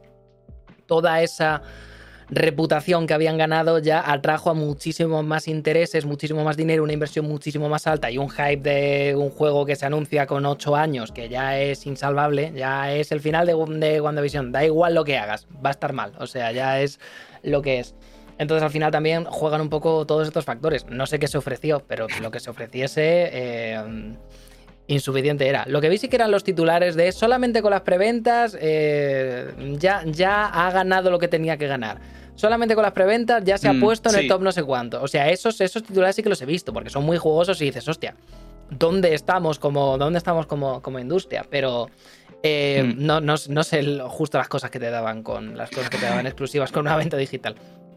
Es que con, las precompras es que es gracioso, porque si precompras en digital, eres el primero en tener algo que podías haber comprado en ese mismo momento sin haberlo gastado antes. Y si precompras en físico, eres el primero en tener una versión desactualizada del juego que acabas de comprar. Pero lo dicho, es que realmente, realmente, a no ser que tenga unos incentivos adicionales ese producto, por, por, ser de los primeros en adquirirlo, realmente quien se beneficia más de esa precompra eh, es el publisher por tener esos datos. Datos que son, bueno, a ver, que, también os digo, o sea, lo, estoy diciendo aquí como si en plan de, jaja, vivís engañados. No, realmente es muy útil. Si podéis precomprar y sabéis que queréis el juego de sobra, precomprad porque lo dicho, si es un producto que sabéis que os va a gustar y tenéis la certeza de ello, estaréis ayudando muchísimo al equipo de desarrollo para tomar decisiones lo antes posible con respecto a ciertas cosas. Pero claro, esto, es, esto también es una lotería, porque lo mismo os gusta lo que veis, pero después lo compráis y... Ahora, yo, yo encantado precompraba ahora mismo el Hollow Knight, porque sé que me va a encantar. Pero lo mismo, quién sabe, lo mismo empiezo a jugarlo y digo, ¡eh! Que me han metido aquí una cosa rarísima, era un juego de cards. Sí, sí, sí. No lo esperaba, ¿verdad? Pero mm, no sé, en, el caso de Hollow Knight no creo que sea así, ¿no? Pero, pero si podéis precomprar el Hollow Knight, pues seguramente ya le estaréis ayudando a, saber que, o sea, a validar las decisiones que han tomado. Pues hemos hablado de muchos temas uh, súper interesantes, pros y contras de eh, los dos formatos, diferencias mm, de, cualitativas de los dos formatos, el tema de las ah, licencias, lo que importa de cara a un desarrollador, lo que no importa, el mercado de segunda mano, hasta qué punto es lícito, el tema de que sea legal. Mm. Eh, pero muchas veces eh, todo lo que estamos hablando es útil si lo miramos desde el punto de vista de la industria, como si la industria fuese algo que existiese una burbuja y no pudiésemos salir de esa burbuja. Pero podemos, no solamente podemos salir, sino que muchas veces vivimos fuera de esa, vivimos entrando, entrando y saliendo dentro de esa burbuja sin problema ninguno. Yo ahora, lo que terminemos de hablar, voy a proceder a jugar a una copia de Zelda en un emulador con unas, em, con unas texturas en 4K maravillosas. Es una copia que yo he pagado. Mm. Yo hace dos semanas le pagué a Nintendo en su tienda de la Wii U una copia exactamente igual que la ISO que estoy jugando ahora mismo. Por 20 euros se puede comprar todavía la tienda de Wii U y es la versión digital del juego de Wii. Y estoy jugando la versión digital del juego de Wii. Y luego después al chaval que se pegó el curro de hacer las texturas en 4K, le pagué sus texturas en 4K y lo que estoy, lo que, o sea, lo que estoy consumiendo ya ahora mismo me viene mejor como punto de vista desde el punto de vista del consumidor, porque estoy jugando mejor a la experiencia que tengo. Mm. Si lo jugase en su consola, estoy convencido de que para muchas personas que me están escuchando, nada va a superar tener la caja, sacarlo, meterlo y jugarlo en su consola. Yo prefiero lo que dices tú, la inmediatez del PC, saber que la capturadora lo coge así y lo puedo, lo puedo streamear sin problema ninguno. Y saber que, lo, saber que lo puedo mm. jugar en 4K y que mi audiencia lo va a ver, increíble. Pero claro. ¿Tú sabes si la licencia te permite jugar ese producto en otra plataforma que no sea la que lo has? Probablemente no, probablemente no. Pero yo no tengo, o sea, yo no tengo ningún cargo de conciencia. Porque hasta el. O sea, si. Si el coste, vamos a decir, si lo que vas a ganar tú con mi experiencia de juego es lo mismo, y tú me estás impidiendo que tenga una mejor experiencia de juego basado en no que vayas a ganar más dinero, sino que consumas el juego como yo quiera que consumes el juego, para mí me está. O sea, para mí tienes una aproximación un poco. ¿Sabes lo que quiero decir? Hmm. no te veo, no te veo, no te veo muy convencido. No, no, es que me, está recordando el rollo ese de, cuando se saca un juego y, no llega, o sea, no cumple las expectativas de algunos usuarios y empiezan a decir, esto es mierda, no sé cuánto, yo qué sé, Cyberpunk, ¿no? Ha pasado. O, vamos a decir el Dark Souls en PC, ¿vale? Que tenía sus problemas y de repente sacan el parche, saca este señor, saca, el, DS Fix y arregla un montón de cosas, pero ahora él se convierte como en el responsable de que el juego funcione bien. Claro, sí. ¿Sabes? Y en plan de, cuando un juego funciona mal y, y alguien dice, no, esto seguro que se podía solucionar fácil y ve que no es tan fácil y dice, uy, pues no. Vaya movida, ¿eh? Pues, pues no, no, no, no era tan fácil. Pero claro, no, no mucha gente es consciente de ese tipo de cosas. En el caso del juego que estás jugando tú, pues sí, realmente han resuelto muy bien las cosas. Entonces, pues estupendo, para adelante. No, pero, yo qué sé, es, un, eh, es un punto súper interesante porque es. Seguro que Nintendo no aprobaría que yo les comprase una copia completamente legal del juego y luego la jugase mejorada. Pero Skyrim en Steam, mm. O sea, cuando tú compras Skyrim en Steam es para jugarlo vanilla. Yo no juego Skyrim en mi puta vida, pero no conozco a nadie que haya comprado Skyrim y lo haya jugado vanilla. O sea, o, eh, eh, eh, o, Fallout New Vegas. O sea, le pones texturas, le cambias la resolución, le puedes meter cosas para hacer el juego más difícil, mm. le puedes poner parches de la comunidad para que la experiencia vaya mejor. Hay gente que desarrolla directamente ellos campañas dentro de la estructura de Fallout New Vegas. o sea, no veo a Obsidian llevándose las manos en la cabeza en plan, no ¿qué hacéis? Y muchos juegos tipo Doom directamente te dan una workshop para que tú mm, te, pongas a desarrollar contenido también para eso. Al mm. final depende un poco de, la empresa con la que estés lidiando.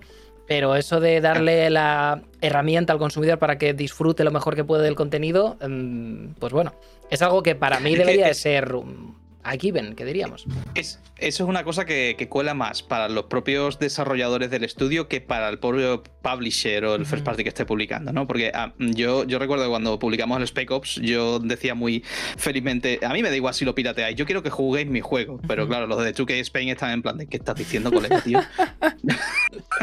Digo, no, claro, yo lo que quiero es que era mi primer juego, entonces a mí me hacía mucha ilusión que la gente lo jugase, pero claro, yo también tengo que entender que eso es un producto en el que se ha puesto una, una burrada de pasta y tienen que, tienen que compensar, ¿sabes? después también, hablando de lo que estabas comentando antes, eh, eh, hablando de, eso, que tú has adquirido una licencia y tú quieres jugarlo en las mejores condiciones posibles. no, no es exactamente lo mismo, pero eh, ahora estoy jugando el Spyro Reignited Trilogy. En la Switch, ¿vale? Fue un regalito y, la verdad es que se ve del lomo, se ve estupendamente bien la Switch, se juega a 30 FPS sin problema, pero no sé si recuerdas que hablando del tema de lo de, lo de la postproducción, en el cartucho solo incluyeron el primer juego, los otros hay que actualizarlos. Y eso a mí me duele especialmente porque el hecho de que juegue al Spyro en la Switch, la razón por la que he jugado no ha sido por gusto, es porque me he quedado sin memoria después de, actualizar el juego, que ocupa 8 gigas eso, y digo, es que no puedo instalar más cosas hasta que no juegue al juego. Jugar al juego se ha convertido en una obligación si quiero jugar a otros juegos. si esto estuviese todo dentro del cartuchito, pues no tendría ese problema. Pero bueno. Sí, no, además, ah, muchas veces, eh, muchas veces estos juegos, el volver otra vez a experimentar un juego de tu infancia, precisamente no lo harías si no fuese en digital. Anda que no me habré pasado yo veces Final Fantasy 8 o 9, que son juegos de 40 o 50 horas, porque los podía jugar en la PSP. ¿Legal o ilegal? Primero ilegal, luego mm. Pero porque los podía jugar en la PSP. Si me tengo que sentar en el, ordenador o en, la, en el salón, enganchar la PS3, encenderlo, abrirlo, cargar la partida, es una mierda. Si estoy así jugando llega el momento en el que, ah, es mi parada del metro, le doy al botón del power, se queda dormidito y cuando llego a casa le doy y estoy en, el mitad en la mitad del combate donde lo he dejado, joder, qué comodidad, ¿no? Entonces, muchas veces estos juegos de me siento, me echo un nivel del Spyro, un nivel del Crash y luego después sigo, también es mm. un beneficio jugarlo en jugarlo digital. Lo hicieron y lo hicieron también, creo, no lo sé, que alguien me lo diga. Igual fue en la Switch también. No recuerdo si fue en la Switch o en la Vita, pero lo hicieron también con Final Fantasy X. El Final Fantasy X HD te venía y el 10.2 te lo tenías que descargar aparte. Mm, que alguien me hmm. corrija si era, si era. Porque el Final Fantasy X lo compré directamente en digital para la Vita. Así que podría perfectamente ser la versión física de la Vita. Pero en la Vita o en la Switch tenías que descargarte la segunda parte. Fue la primera vez que me encontré yo también con ese problema. En la Switch, pues en la, pues en la Switch. Hmm. Bastante, bastante bonito. Eh, pero bueno, el, o sea, eh, no quería aquí eh, hablar sobre la, mejor versión o las empresas que ofrecen facilidades para que esa mejor versión se juegue con el Steam Workshop o esta clase de historias, o la gente, o Nintendo que me podría tirar los vídeos por no estar broadcasteando su mm. juego como ellos quieren, ¿qué tal? aquí simplemente quería contestar un poco a. Pues sale la noticia. PS3, PS Vita y PSP desaparecen. Bueno, siempre va a aparecer alguien en, en el tweet que va a decir. ¿Y qué se ha perdido? si está todo, o sea, si piratear una PSP o una PS Vita son 10 minutos. O sea, hay un, hay un mm. ejecutable que le das y el ejecutable ya él solo, tengas la versión que tengas, te deja la, la PSP lista para jugar a todo y está todo en internet. ¿Qué se ha perdido? A ver, es una respuesta incómoda, pero, pero es, un, es, es un punto a debatir, vaya. O sea, si todo eso está, vamos a decir, disponible para que alguien lo encuentre y una empresa grande decide no dar soporte, la empresa con esa decisión tiene también que ser consciente de que si el soporte es tan sencillo como darle un botón y que pueda consumir una copia ilegal y que ellos están dejando de dar la opción de consumir ese contenido de forma lícita, si están abandonando un, yo qué sé, 300 juegos por poner una cifra, la empresa tiene que ser consciente de que si alguien quiere volver otra vez a enganchar esos juegos, los va a piratear. Y claro, si fuese solamente Uncharted y perdiese solamente Sony y Naughty Dog, podríamos hablar de, bueno, pues no Sony y Naughty Dog, pero cuando son indies que a lo mejor han vendido 5.000 copias, a lo mejor ahí cada copia que pirateen eh, no da igual una copia más que una copia menos. Mm. Hombre, eh, lo que hay que tener en cuenta con estas decisiones es que seguramente han sopesado y han dicho, no merece la pena.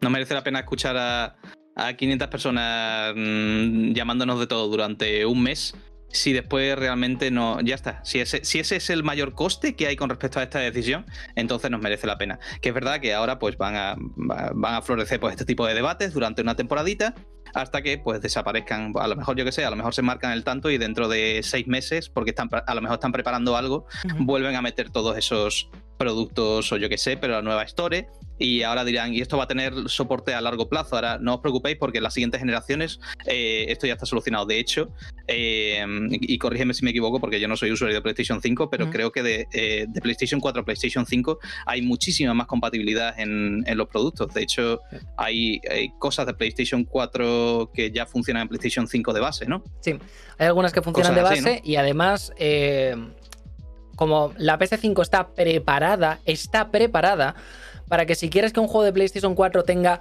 lo de que te vibra en función de dónde den en el mando o toda la potencia de la PS5, está preparada para que si quieres le puedas meter un parche al juego y que en PS5 tenga todo eso adicionalmente, como han hecho en, hmm. God of War, que es el, el, book insignia ahora mismo, que le pegaron una, actualización para jugarlo 4K, 60 frames, con todas las mejoras que, aportaba eso. Entonces, Sí que es verdad que había algunos juegos que no eran compatibles, pero era el típico Beach Day 2 Extreme, ¿sabes? O sea, eran los típicos juegos estos que, nadie iba a echar de hmm. menos esos juegos. Pero sí, o sea, la retrocompatibilidad está bastante, un porcentaje bastante alto.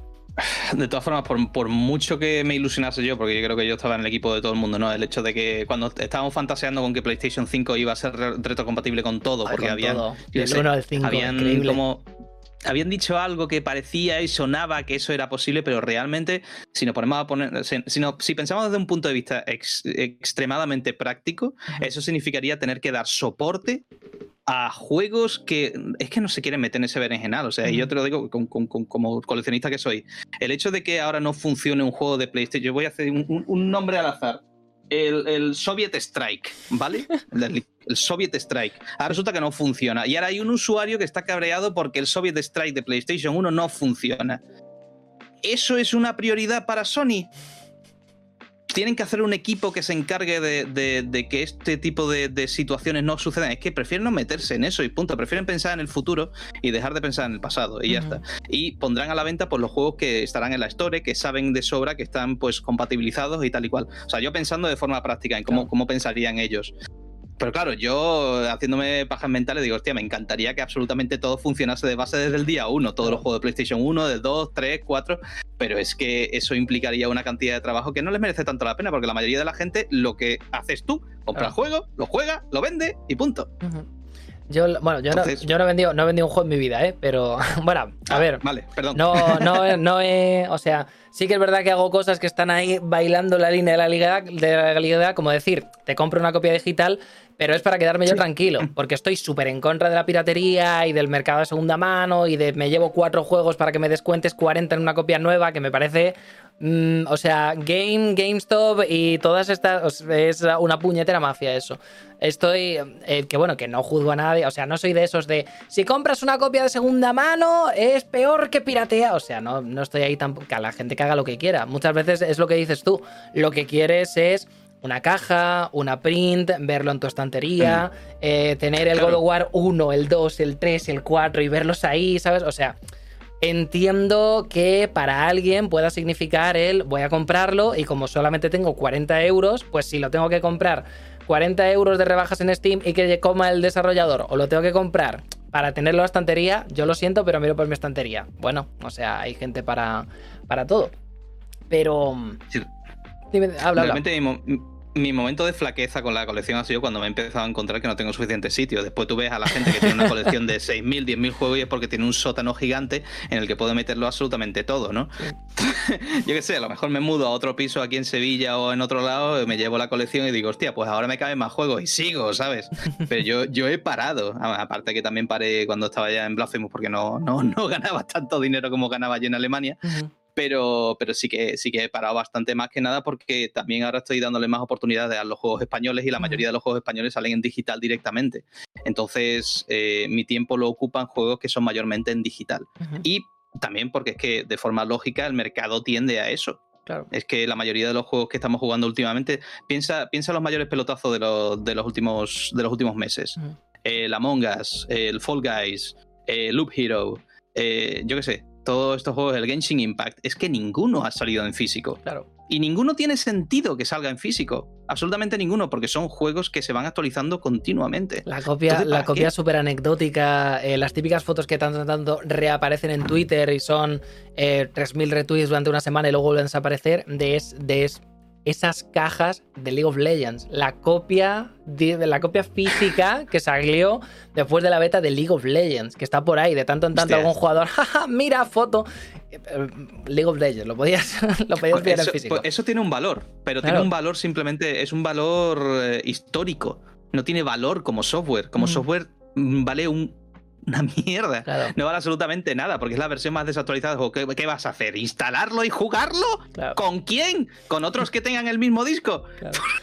es que no, no vas a encontrar a nadie para jugar a eso, evidentemente. Entonces, eh, es es mayormente, es lo que tú dices, es mayormente el valor que tiene toda la colección que tengo aquí atrás, excepto los juegos que no han seguido actualizándose después de su salida. Claro. Como serían pues, los, juegos, de PlayStation, de, Game, de GameCube, los de DS, los de 3DS y tal. Incluso los de 3DS creo que tenían actualizaciones, pero bueno, mayormente salían más bien terminados. Ahí ya necesitas, eh, necesitas pues eso, o bien el formato físico, o bien la expansión si le quieres meter el parche que venga con la expansión, o bien también mm. pues estos... Eh, estas, estas maravillosas, ah, maravillosos juegos, como por ejemplo el Kingdom Hearts Final Mix, que es una de no, no, no, te vendemos otra vez el mismo juego y viene con dos minutitos más de cinemáticas, un jefe más y dos armas nuevas y, o sea, otra vez 60 euros para comprártelo. Y estas versiones que mm. se ha luchado en el mercado occidental, o sea, era, sacamos el juego con poquitas cosas en Japón, luego sacamos la versión para todo el mundo, en inglés, con el doblaje ya todo puesto, ya con alguna cosilla más. Y los japoneses decían, joder, ¿y nosotros qué? No os preocupéis, sacamos la versión de Final Mix que tiene todo lo que tienen ellos y un poquito más. Y luego Occidente decía, joder, mm. y nosotros eso no lo vamos a ver nunca. Y anda que no se ha luchado en plan Square mm, release de Final Mix hasta, hasta, claro, hasta, que salieron en hasta que salieron en, PS3 y esa versión ya mm. venía con, con todo eso. Que luego tenía, por ejemplo, eh, sí, perdón, te dejo. Eh, eh, el, el, Kingdom Hearts 2 venía con un doblaje maravilloso al español y la gente decía, jue, no me creo mm. que nos hayan dado el juego sin el doblaje español. Claro, es que el que tenía el doblaje español era el juego base, el Kingdom Hearts 2. Este es el Kingdom Hearts 2 Final Mix, ese no está doblado. Y si mm. tiene 20 minutos más de cinemática, si o sea, ya habría que volver otra vez a tocar el código y no merece la pena. Habla, perdón. Y aparte, y aparte en otro idioma que no es el tuyo. Que si nosotros tenemos que arreglar algo de Blasphemous en chino, digo, es que no sé ni por dónde empezar. Que por decir algo, es que parece que estoy aquí simplemente eh, diciendo que sí a, todos estos argumentos en contra del físico, pero no, no es verdad. O sea, realmente hay un montón de cosas, aparte de lo que te he dicho de, de todos aquellos juegos que no tenían en su, pues, en su naturaleza la postproducción, hay un montón de experiencias que no puedes vivir de ninguna manera con la emulación. O sea, es imposible. Y, por ejemplo, el, hecho de que tengo por aquí atrás, a ver si se ve un poquito, por enseñar un poquito colección, ¿sabes? Pero tengo por ahí atrás eh, la Virtual Boy. Y tú me dirás cómo puedes emular la experiencia de marearte con una Virtual Boy. No puedes, no puedes marearte con un emulador de Virtual Boy. Y, es, muy guay el ver cómo Nintendo pues, intentaba hacer este tipo de, cosas o el utilizar un zapper, ¿no? Una pistola de estas en una pantalla. Eso no es algo que puedas hacer. que, yo ejemplos, he visto a nadie ejemplos más contemporáneos como el Guitar Hero, por ejemplo. El Guitar Hero, evidentemente. Bueno, no sé si tú. ¿Tú conocías el Frets on Fire? Frets on Fire, Dios mío, no. El Frets on Fire era eh, un, un Guitar Hero, pero para jugar con teclado. Y era muy chulo porque tenías que cogerlo así, ¿sabes? Y, utilizabas estas teclas, los, los Fs, los utilizabas como. Y funcionaba súper bien. Era un buen sustituto, ¿eh? Pero yo qué sé, el DDR, por ejemplo, que bueno, aunque eso no es exclusivo de consola, pero tú sabes, una alfombrita. Sobre todo cuando hablamos de, periféricos o, yo qué sé, el Vectrex, tío. El Vectrex es, una, es un aparato con el que me he quedado las ganas, o sea, me, he quedado con muchas ganas de tenerlo, porque utiliza, o sea, una consola con gráficos vectoriales. Que sí, hay emuladores, pero no es lo mismo el aparatito ese con el zumbido que te puede reventar la oreja. pero, pero es que es un, aparato, yo sé, es, alucinante ver cómo eh, eso era tecnología puntera de los años 80. Y no sé, ese tipo de cositas, pues sí, te pueden llevar al pasado y, puede ser una experiencia guay, pero hay, lo dicho, hay cosas que no se pueden emular bien, porque no estaban por mucho que emules, no vas a replicar esa experiencia. Y bueno, que lo mismo, yo digo, digo lo mismo en plan de, bueno, yo juego a Castlevania en la Switch y alguien más, más purista que yo me puede decir, pero eso no es replicar la experiencia de jugar en un, en un buen monitor, o sea, una buena tele de tubo con eh, la consola real y tal y cual y tener que sintonizar, que sí, eso es la, experiencia completa. Pero yo realmente soy de los que con jugar al juego me vale, ¿vale? Y con tenerlo a lo mejor también. Yo no soy un poco, no, no soy como el policía del retro, que me encantan los vídeos de ese tipo, que son geniales, pero, pero no llego a eso, no llego a ser tan purista. Y yo, por ejemplo, tengo en, el equipo, tenemos a Enrique Cabeza, que es nuestro director creativo, y él es súper purista, a él le encantan las experiencias puras, puras, puras. Y de hecho, yo recuerdo que creando los filtros para Blasphemous, para el, último parche, mm. los filtros que dejó fueron los de scan lines y de una manera muy concreta que él quería. Digo, no has metido ni blanco y negro, ni sepia, ni, ni Spectrum, ni nada. Dice, eso es, que para qué, si nadie lo va a utilizar. Voy a meter los scan lines, que es lo que le gusta a la gente que va a por esta experiencia. Y digo, ah, vale, pues tienes razón, tienes razón. Pues eh, has, enganchado con el último tema maravilloso. Y además, este, este es un tema mm. que tenía ganas de hablar contigo, no con Pablo. Contigo. O sea, Pablo puede tener mil opiniones, pero nunca tendrá la opinión que vas a dar tú en algo tan específico. Hablaba. A ver hablaba mi, moderador, que también está muy metido en el físico, el digital. Él consume de los dos. bueno, eh, Shiva, corrígeme si no. Él creo que prefiere el físico porque le gusta tener su colección y tal, pero también consume el digital un poco en función de lo que le sea más cómodo. Preferencia por uno, pero no es purista de decir, no, no, no, yo no toco, no tiene el mismo valor una copia en digital que una copia de no sé qué. Híbrido, pero preferencia por el físico. Perfecto. Pues él decía una cosa súper, súper interesante, que es eh, estas bibliotecas que están intentando ser archiveros de todo este conocimiento, que piden la copia o, el código original o lo que sea a los desarrolladores, igual no de todos los juegos, pero sí de los más tal, para tener algo que poder. Que, algo que poder tener ahí conservado. Y aquí hablamos de juegos, por ejemplo, lo que has dicho tú, Genshin Impact, cada 2x3, un parche nuevo, personajes nuevos. League of Legends salió en, en em, versión física en algún momento, salió en beta, poco a poco se ha ido puliendo. El juego ahora no es el juego que era hace dos años, no cuando salió, sino hace dos años, hace mm. un año es un juego completamente diferente. Eh, World of Warcraft eh, Classic, o sea, World of Warcraft Classic estaba el, el, código, no sé si filtrado o reconstruido o algo, pero estaba. Te podías meter en un servidor a jugar la versión oficial, la versión original de World of Warcraft. Y Blizzard lo chapó. Ah, sí lo chapó y es mm. como, no, no, no, es que nos está quitando a gente que debería de estar con... Y es una, no lo estás entendiendo, la gente que está jugando aquí quiere jugar a ese juego que jugó en 2004 cuando era chaval con un monster y comiéndose unos doritos en la pantalla de su en la pantalla de tubo esta en su Mac de 2000X simplemente para recrear un poco esa experiencia de, lo que era el Saigis de la época de, oh, un MMO, ¿qué es esto? Esto es nuevo. No le interesa tu Shadowlands, tu, tu eh, proyecto actual, vamos a ver, no le interesa eso. Él quiere esto. Dijeron, ah, ok, vamos a sacar el WoW Classic. Y ahora vamos a sacar el, el remake del Diablo 2, que se puedan exportar todavía los personajes viejos al nuevo, esta clase de historias. Muchos juegos no pueden tener una conservación al uso porque son juegos que van tan absolutamente al nueva versión, nueva versión, siempre el contenido, un videojuego como servicio, que es habría que con, habría que a lo mejor no todas las versiones, pero habría que tener un archivo de prácticamente todas. En algunos juegos como Minecraft es muy sencillo porque siempre te puedes descargar la versión o bajar la versión por tema de moderaciones y tal, que para Minecraft es algo que necesitan, el tema de los mapas de la comunidad, todos los mods y esta clase de historias, pero en otros juegos como Blasphemous a lo mejor no interesa. Pero vamos a poner que yo soy un speedrunner. Y como speedrunner, la versión que me interesa es la 1.13.05. Porque sin esa, ya me has jodido en esta puerta en donde no puedo hacer un skip. ¿Qué pasa ahí? Porque claro, tú has dicho, ah, ¿quieres la versión física para jugar a una versión inferior? ¿Y si, ¿Y si esa es la versión adecuada para el consumidor? ¿Qué, qué pasa ahí? ¿Qué hacemos ahí?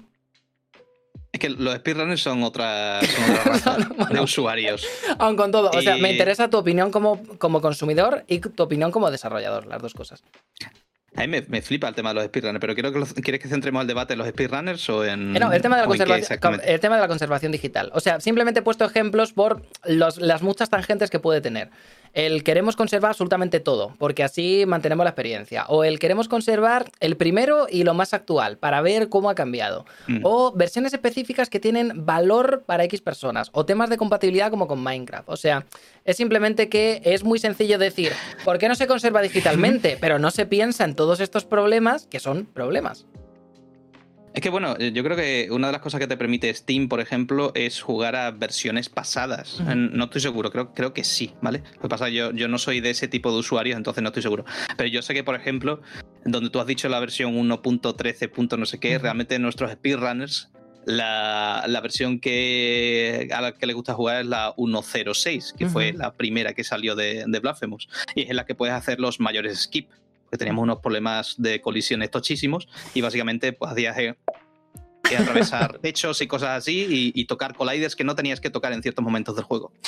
Entonces yo sé que esa es la que les gusta jugar porque se pueden pasar el juego en cuestión de 20 minutos. Ahora, pues claro, nosotros corregimos ese tipo de cosas y ya no ya no se puede. Entonces, a nivel de conservación, pues no sé, yo creo que igualmente es, es igual de valioso tener la primera versión como la última.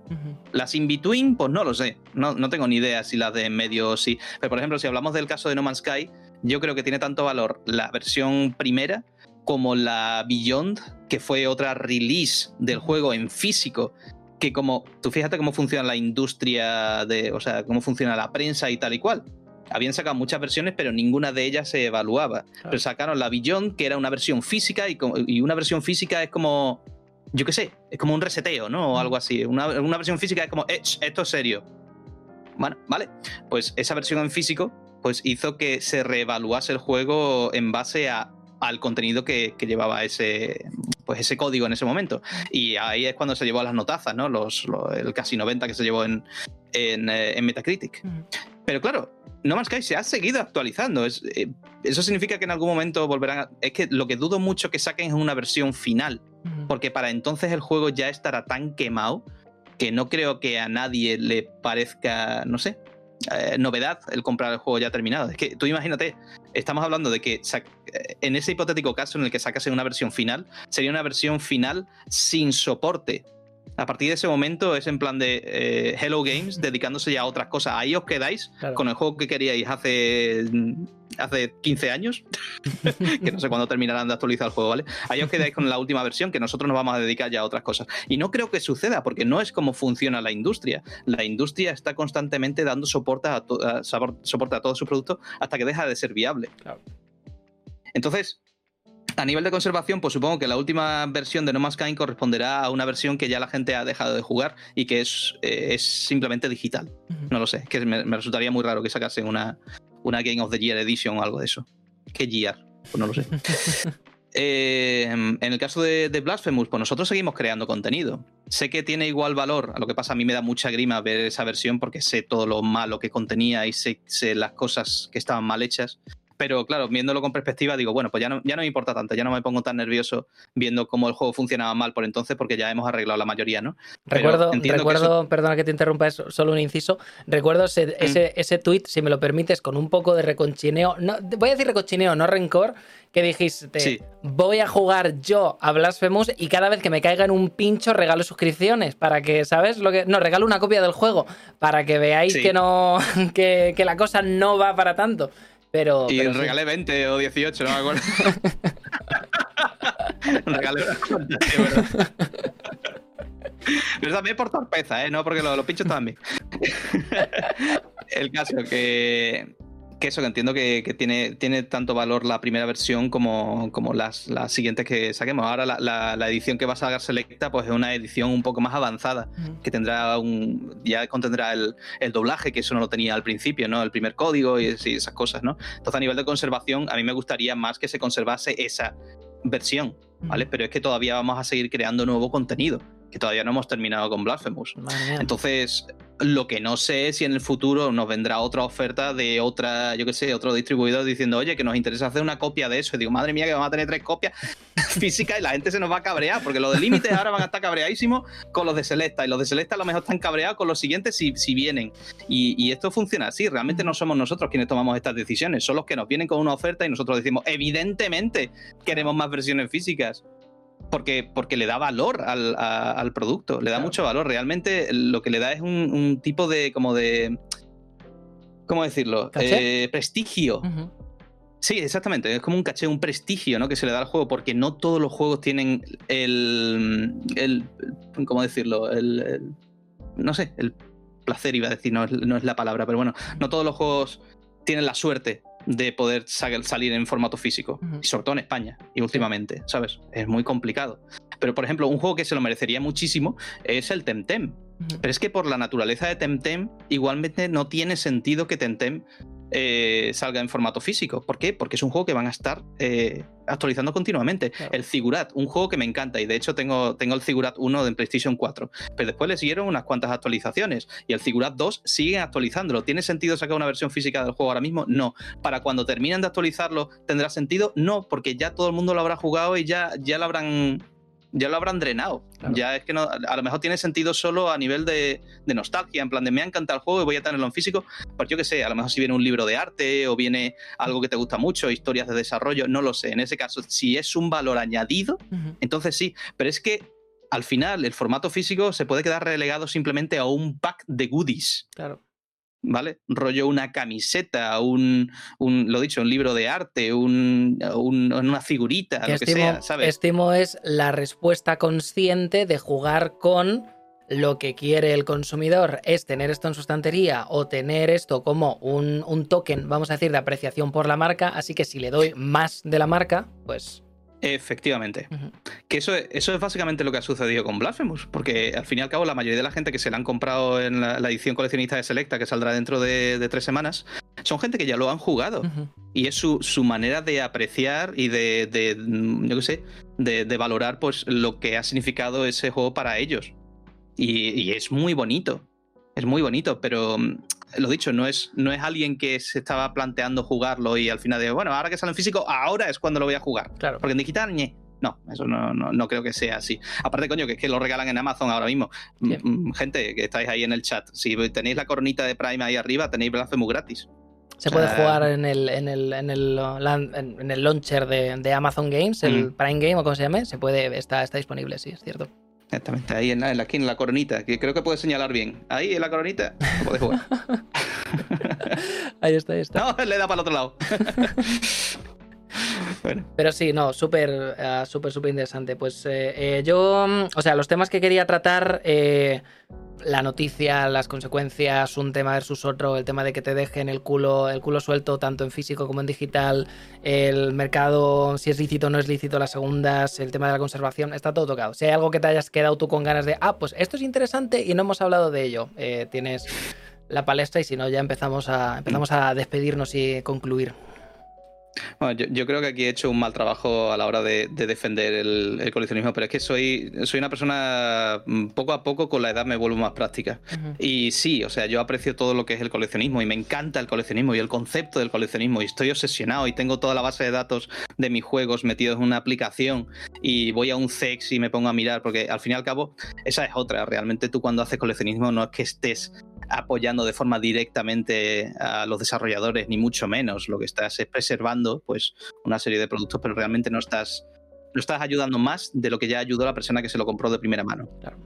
Y yo no me puedo permitir, personalmente, no me puedo permitir comprar todo de primera mano, ni mucho menos todos estos juegos. O sea, lo he dicho, eh, incluso los juegos de PlayStation 3 que tengo aquí atrás, eh, fue un lote que compré por un precio absurdo, ¿sabes? Y la mayoría de los juegos ni los he jugado. Y hay algunos que, que son online y no se puede jugar, como el MAG o el, o el SOCOM, no sé qué, ¿sabes? Que en plan, los tengo ahí simplemente para, para hacer hacer lugar, para, ocupar sitio. Igual en el Sex te va, de vez en cuando me voy a, comprar FIFAs a comprar FIFAs porque ocupan, ¿sabes?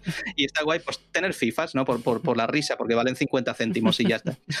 Eh, pero es que es eso, o sea, al final el coleccionismo en mi, en mi caso se convierte en eso, en, en, en, añadir más. Realmente ya no importa el juego en sí, sino el, el, el ir eh, coleccionando estampitas. Claro. Es un poco como una colección de cromos, ¿no? Eh, no te vas a quedar mirando el cromo continuamente, no vas a disfrutar del cromo, es simplemente el placer de tenerlo y de poder hablar de ello y de, si, si hablan de ello, a lo mejor decir, ah, sí, lo tengo y, y ya está. O sea, es un pequeño placer porque cuando yo era un crío y, quería tener juegos no podía y recurría al pirateo y esas cosas, como la mayoría hemos hecho.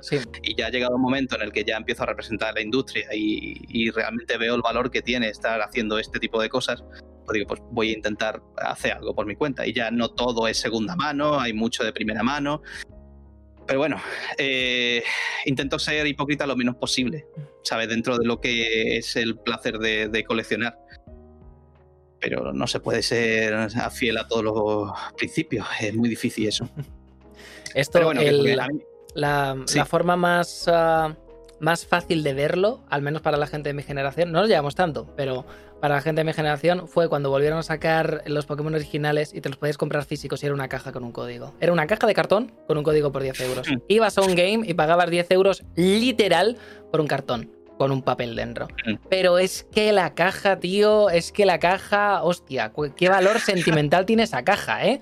Ver esa caja ahí precintadita en el est, madre mía, casi, casi me la compro y luego me lo compro otra vez en digital por no abrir la caja, ¿sabes? O sea, Dios mío. Mm.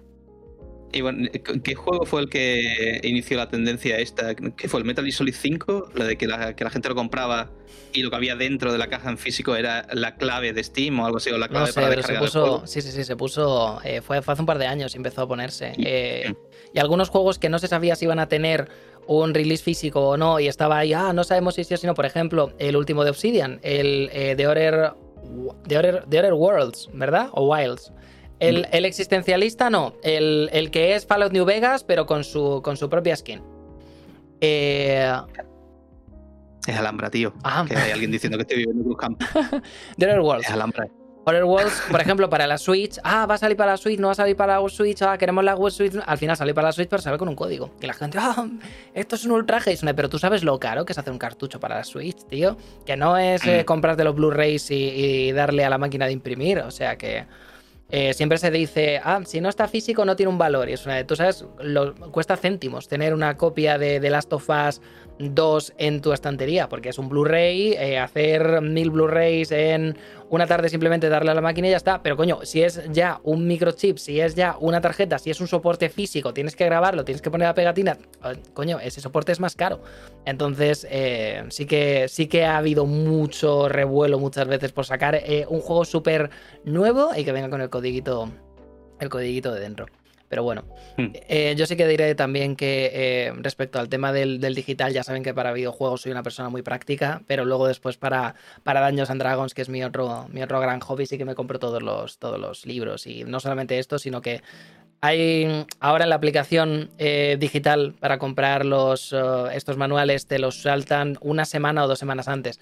Así que ya para más INRI me compro me los compro en digital, me los leo en una semana, semana y media y luego me compro un producto que ya me he leído. Que sería como comprar esa copia de Blasphemous simplemente por tenerla de un juego que ya me he pasado, pues sería el equivalente, pero en daños. Muchas veces ese tener algo, el, verlo en la estantería y qué bonito, o el abrirlo, o el olerlo, que hay mucha gente que si no huele un libro no es lo mismo, ¿no?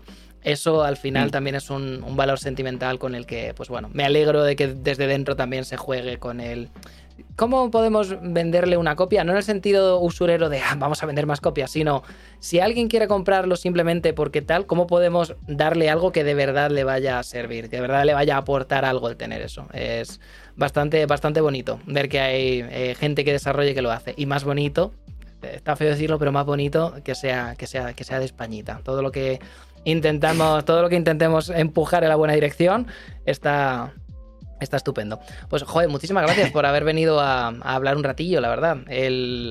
Mm, la noticia ha salido hoy. He tagueado a Pablo porque es como, Buah, el super digital y el super físico. Let's go. Vamos a, vamos a hacer aquí un, clash. Porque si no, voy a ser yo 40 minutos hablando en plan, mm, el digital, porque se va a imponer. Y va a ser todo el rato así. Vamos a coger a alguien que dé también más, que complemente un poco. Y o sea, porque te han tagueado, ¿eh? Haz una vuelta con él. Yo, yo, extendería esto a, otro, a otro debate con él, porque yo a lo mejor eso, yo, yo, yo cumplo ese rol de persona que colecciona, pero está un poco entre, entre dos aguas ahora mismo, ¿vale? Que, sigo coleccionando, pero de forma muy consciente, un tipo concreto de, de, ¿sabes? De, de, cosas retro, pero por otro lado que ya empiezo a arrepentirme un poco de tener tanta, tanta, tanta cosa aquí en las estanterías. Y, por otro lado, él, eh, claro, que a lo mejor yo que sé, tendrá más sitio, o es que realmente se ha puesto mucho más serio con estas cosas, que tiene sentido que una vez que ya te has metido, pues que no pare. Que esa es otra, es que es, es, una trampa mortal. Una vez que te pones a coleccionar, sobre todo si te pones a coleccionar juegos de una saga concreta. O sea, eh, eh, mi novia, por ejemplo, no es coleccionista como yo, pero ha cometido el error de meterse los Fire Emblems. Y ya no para. Y se está gastando más dinero que yo en algunos juegos, que hace poco ha pagado 100 euros por uno. Digo, es que eso no lo pago yo ni por ninguno. Claro. ¿Qué haces gastando 100 euros en juego? Pero claro, porque es que realmente se está metiendo muy en serio con los Fire Emblems. Digo, vale, pero es, tu única colección, claro. Que eso tiene más sentido que meterse a coleccionar por juegos de la América y Ashley, la, tú sabes, la hermana, la hermana Olsen. ¿Qué, hago yo comprando ese juego? es la pregunta. Es, para el gabinete de curiosidades, para tenerlo. O sea, es para, para. Porque es una curiosidad para tener. No sé, a mí me pasa. Si viene alguien, Buah, tengo esta copia de un libro de los 80 de Dungeons, es súper rara, solamente hay 5 en España España, te la vendo. no, o sea, no la voy a jugar, no le voy a dar utilidad. Me va a dar incluso cosa tenerla ahí, porque es como, joder, la voy a abrir, se va a pudrir por dentro, que no me merece ninguna pena, no me merece la pena comprarlo porque no estoy metido. Pero claro, ahora que esta quinta edición, la edición actual que está saliendo, si no compro un libro, ya es como que voy a tener toda la colección menos ese libro. Hostia, voy a no comprar ese libro. Habrá un punto en el que diga, este es el que ya no voy a comprar. Y una vez abra la veda, ya no compraré ninguno más. Pero siempre que sale un libro, nunca es ese libro. Nunca es el que digo, este no lo quiero comprar. Así que, pues supongo que pasará lo mismo si estás. Eh, Madre mía. Eh, eh, vamos. Parte indispensable, indispensable de la historia del videojuego en España. El, juego del Name de Castefa. Impresionante. Este juego dura 20 minutos, ¿verdad? O algo así, me contaron. Estoy con idea, no lo he jugado. Entiendo. Tengo que jugarlo un día. También, también tengo, tengo un par de juegos de toreo, porque también me hace gracia ese género, como, como tiene tan pocos ejemplares. Pues digo, hostia, juegos de toreo. Coleccionar juegos de toreo. Termina, termina pronto, realmente habrá cuatro o cinco o mucho. Y eso es muchísimo, en verdad. Pero, pero es gracioso, digo. juegos de toreo. En fin, bueno, da igual. Bueno. Pero pues uh, lo dicho, un placer haberte tenido por aquí, haber charlado un poco y sobre todo que nos hayas podido eh, abrir un poquito la puerta a ese a cómo se vive ese mercado desde dentro. Porque al final el si compensa o no compensa, saber que estás ofreciendo eh, esa otra cara fea de la industria a la gente. El tema de sacar una física o no, merece la pena, no merece la pena. El meterte con más cosas que tienes que estar. Eh, la versión hmm. física, el, deal que vayas a sacarlo con otro, el publisher que lo vayas a cambiar, son quebraderos de cabeza. Entonces, que nos digas un poco cómo se vive desde dentro es. Eh, mm, algo que nos llevamos, ¿no? Mi público, me lo llevo yo también, es súper valioso. Y además de esto, pues coño, el hablar un ratillo también está guay. Eh, algunos acordará, en las Level Up Leon hace como 3 o 4 años eh, hubo, una, una mesa redonda, también estaba Potem y Sirgari, nos han preguntado por esa mesa redonda bastante, nosotros siempre decíamos, mm, o sea, Nosotros no, preguntarle a ellos y nunca salió, se quedó ahí ese directo, ese, vídeo apócrifo se quedó por algún sitio de los de los setters, así que está bien el, haber tenido el haber tenido algo, joder, porque yo creo, lo tengo por ahí, pero se escuchaba súper mal, pero recuerdo que es que me lo pasé, yo creo que, que mejor me lo pasé fue contigo porque estábamos estábamos debatiendo tú y yo como mirando para adelante y estábamos al lado. ¿sabes? Y no, me acuerdo ni siquiera de lo que estábamos debatiendo, pero yo recuerdo que era una mesa redonda sobre el videojuego. El modo fácil del Dark Souls. Ah, eso. El modo fácil del Dark Souls eran como, como nueve o diez streamers en esa mesa y yo era el único desarrollador y estaba yo con las manos en la cabeza en plan de... bueno, pero el único, el único con el que me lo estaba pasando así guay debatiendo era contigo, tío. Con todo el respeto para todos los demás, pero era el que me estaba dando ahí más cañita y, es que, me, parece muy gracioso. Es que, justo, es que justo ese debate es inacabable, porque es, queremos que todo el mundo sea capaz de jugarlo y sea capaz de expresarlo, pero por otro lado, la experiencia de Dark Souls es una muy específica. En el momento en el que le cambias la accesibilidad, que ya se ha cambiado la accesibilidad, el modo fácil de Dark Souls es tener acceso a internet, pero en el momento en el que eso cambia, ya no tal. ¿Habría tenido el mismo éxito si no fuese el juego que tal? Si hubiese tenido un modo en el que lo jugase como DMC, ¿habría llegado hasta... Es que, es que justo esa saga es, es inacabable. Es mm. súper... Lo, gracioso es que la opinión que puedo tener con respecto a la inclusión de un modo fácil en, Dark Souls se viene, se viene abajo completamente como un castillo de naipes en el momento en el que ves que yo he trabajado en un juego en el que había podido incluir un modo más sencillo y no lo hemos hecho. ¿Por qué? Por una decisión de diseño. Claro. Y o sea, todo lo que le puedo decir yo a Dark Souls al final es que se invalida con mis propias acciones. Así que es un debate en el que ya me cuesta mucho más meterme. pues justo, justo en ese, en ese otro, en ese otro directo teníamos un debate muchísimo más tal. Y ahí el purista de la experiencia era yo. No basado tanto en Dark Souls, mm. pero sí basado en Darkest Dungeon, que fue otro juego que también la última versión no tiene nada que ver con la primera. Y que es... ocurrió algo que no sé si os ha pasado a vosotros, que es que los devs se metían mucho en los foros de Steam. Dicen que eso está, hay que, hay que hacerlo en cómodas y espaciadas dosis, pero estos, estos, estos, estos devs vivían en los servers de Steam. Entonces aquí ya se, crearon los típicos gamers eh, marca registrada quejándose de que eh, se habían tomado unos días y que dónde estaba su parche 0875 que te di 25 dólares en Kickstarter. Hijo de puta, ¿dónde está esto arreglado que no funciona? He perdido mi partida guardada mandándole esos mensajes al desarrollador jefe mientras estaba en el entierro de su padre, ¿sabes? O sea, era ya, fue una cosa que dices tú, ¿qué está pasando? Pero eh, ahí también ocurrió eso, que en el momento en el que pusieron lo de que cuando matabas a un enemigo se quedaba el cadáver, rompieron muchísimas wheels y crearon un poco una meta dentro de la meta, la gente estuvo súper en contra, lo quitaron como diciendo, vale, vale, vale, pero luego después lo volvieron a poner en plan, no, esto es una decisión de diseño, esto está haciendo mejor el juego, aunque la otra, la otra forma sea más fácil o haga más accesible, y esto se queda. Luego después recularon un poco y ahora en las opciones, escondido en las opciones, tienes que saber que está ahí, tienes la opción de ponerlo, de quitarlo. Pero en su momento mm. fue ese gran, ese gran devs contra la comunidad sobre una experiencia dura en un videojuego. Y un poco de ahí venía toda, venía toda a comer. Pero claro, Dark Souls, pues, al final es la cara de, es la, cara de la, de la comunidad, del, del hardcore gamer ya que estoy aquí para despedirme, voy a vender un poquito mi libro. Bueno, el, el Blasphemous no lo puedo vender porque lo tenéis ahí gratis en Prime. Blasphemous, pero dentro de Twitter, lo que sea. Bueno, bueno, ya la gente, mira, digo, digo hola y ya la gente sabe, sabe dónde estoy. Eh, no, pero es el hecho de que dentro de un mes, cuando salga la edición coleccionista, que no es tanto eso lo que quiero publicitar, porque bueno, se, puede comprar, pero vamos, que no es lo importante. Es que en esa edición coleccionista se va a incluir un documental de, de Blasphemous. Y al que le tengo mucho, mucho, muchísimo cariño porque fue básicamente eh, yo entrando en The Game Kitchen y sacando la cámara el primer día para empezar a grabar absolutamente todo lo que sucedía ahí. Y he grabado, he grabado buenos momentos, malos momentos, malísimos momentos, momentos putapénicos. Pero, pero eso, al final pues hemos terminado con un documental bastante cercano a lo que fue el desarrollo del juego. O sea, hemos, hemos hecho una cosa muy chula que estará incluida dentro de esa edición coleccionista y aparte también se pondrá a la venta creo que en una tienda digital de, de The Game Kitchen. Y, y, puede molar mucho porque normalmente no salen muchos documentales de, de desarrollo de videojuegos aquí en, en, España, sobre todo los que tengan que ver con un juego concreto. O sea, han salido de, yo qué sé, ¿sabes? De la edad dorada del videojuego, del no sé qué, del no sé cuánto. Pero de lo que es eh, un desarrollo entero, con todo lo que pasamos y tal, pues no hay, no hay mucho de eso.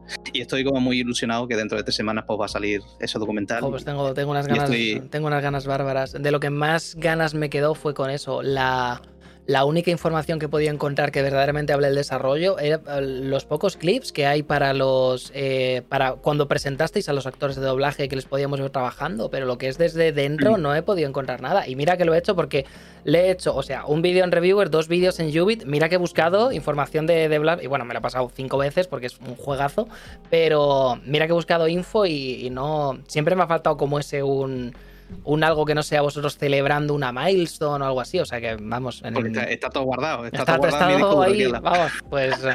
si no, gigas no. y gigas de, de, material grabado. Pero bueno, en lo que, lo que salga. De, lo que salga de una y y. Y a ver, a ver qué le parece a la gente. Y bueno, ya cuando te lo veas, pues ya me dices, ¿vale? Sí, sí, ya. Que vamos. me da mucha ilusión verlo. Lo, lo, comentamos.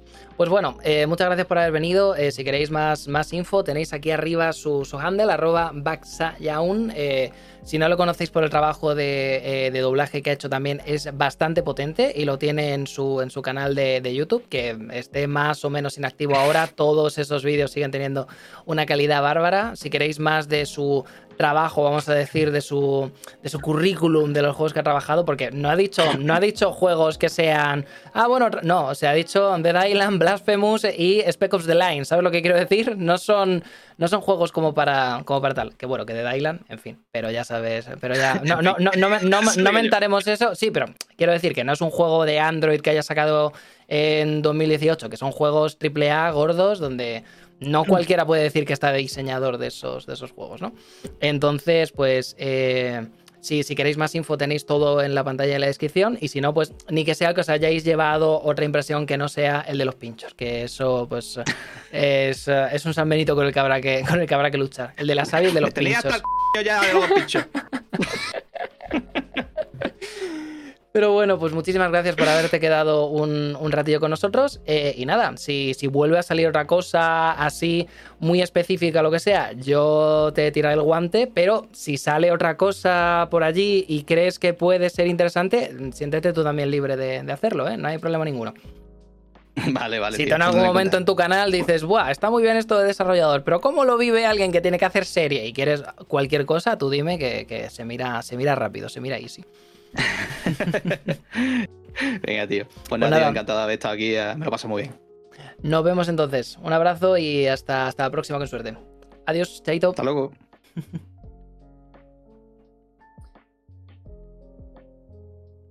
Vale, pues eh, mmm, con esto vamos a vamos a despedir a vamos a despedir a Bacha. Yo sigo un segundo que le voy a decir. Yo yo sigo directo que me quedan dos horas de Zelda. Una pasada, tío. Muchísimas gracias. Muchísimas gracias por venir. Eh, esto ha sido un poco la, conversación. La conversación con. Eh, con Baxa. Es, uh, alguien que. Eh. Que. Um, qué, qué, qué, qué, orgullo tener a este, a este señor por aquí. La verdad es que los juegos no son moco de pavo y han, han cambiado muchas cosas, vamos a decir, ahora con, con Blasphemous. La industria, o al menos como nos perciben desde fuera de España, es bastante, bastante interesante. Así que una, una, una puñetera pasada haberlo tenido por aquí un ratillo. Bueno, al empezar he dicho que eh, íbamos a intentar que no fuese que, fuese menos de una hora. Al final, pues bueno, había carrete para hablar más y nos hemos ido por alguna tangente, una tangente que he querido seguir porque súper, súper divertido. Y, y, oye, pues ha quedado un podcast bastante interesante. Links, aun con todo lo vas a llamar minicast. Hay una cosa que se llama... Hay una cosa que se llama branding, hijo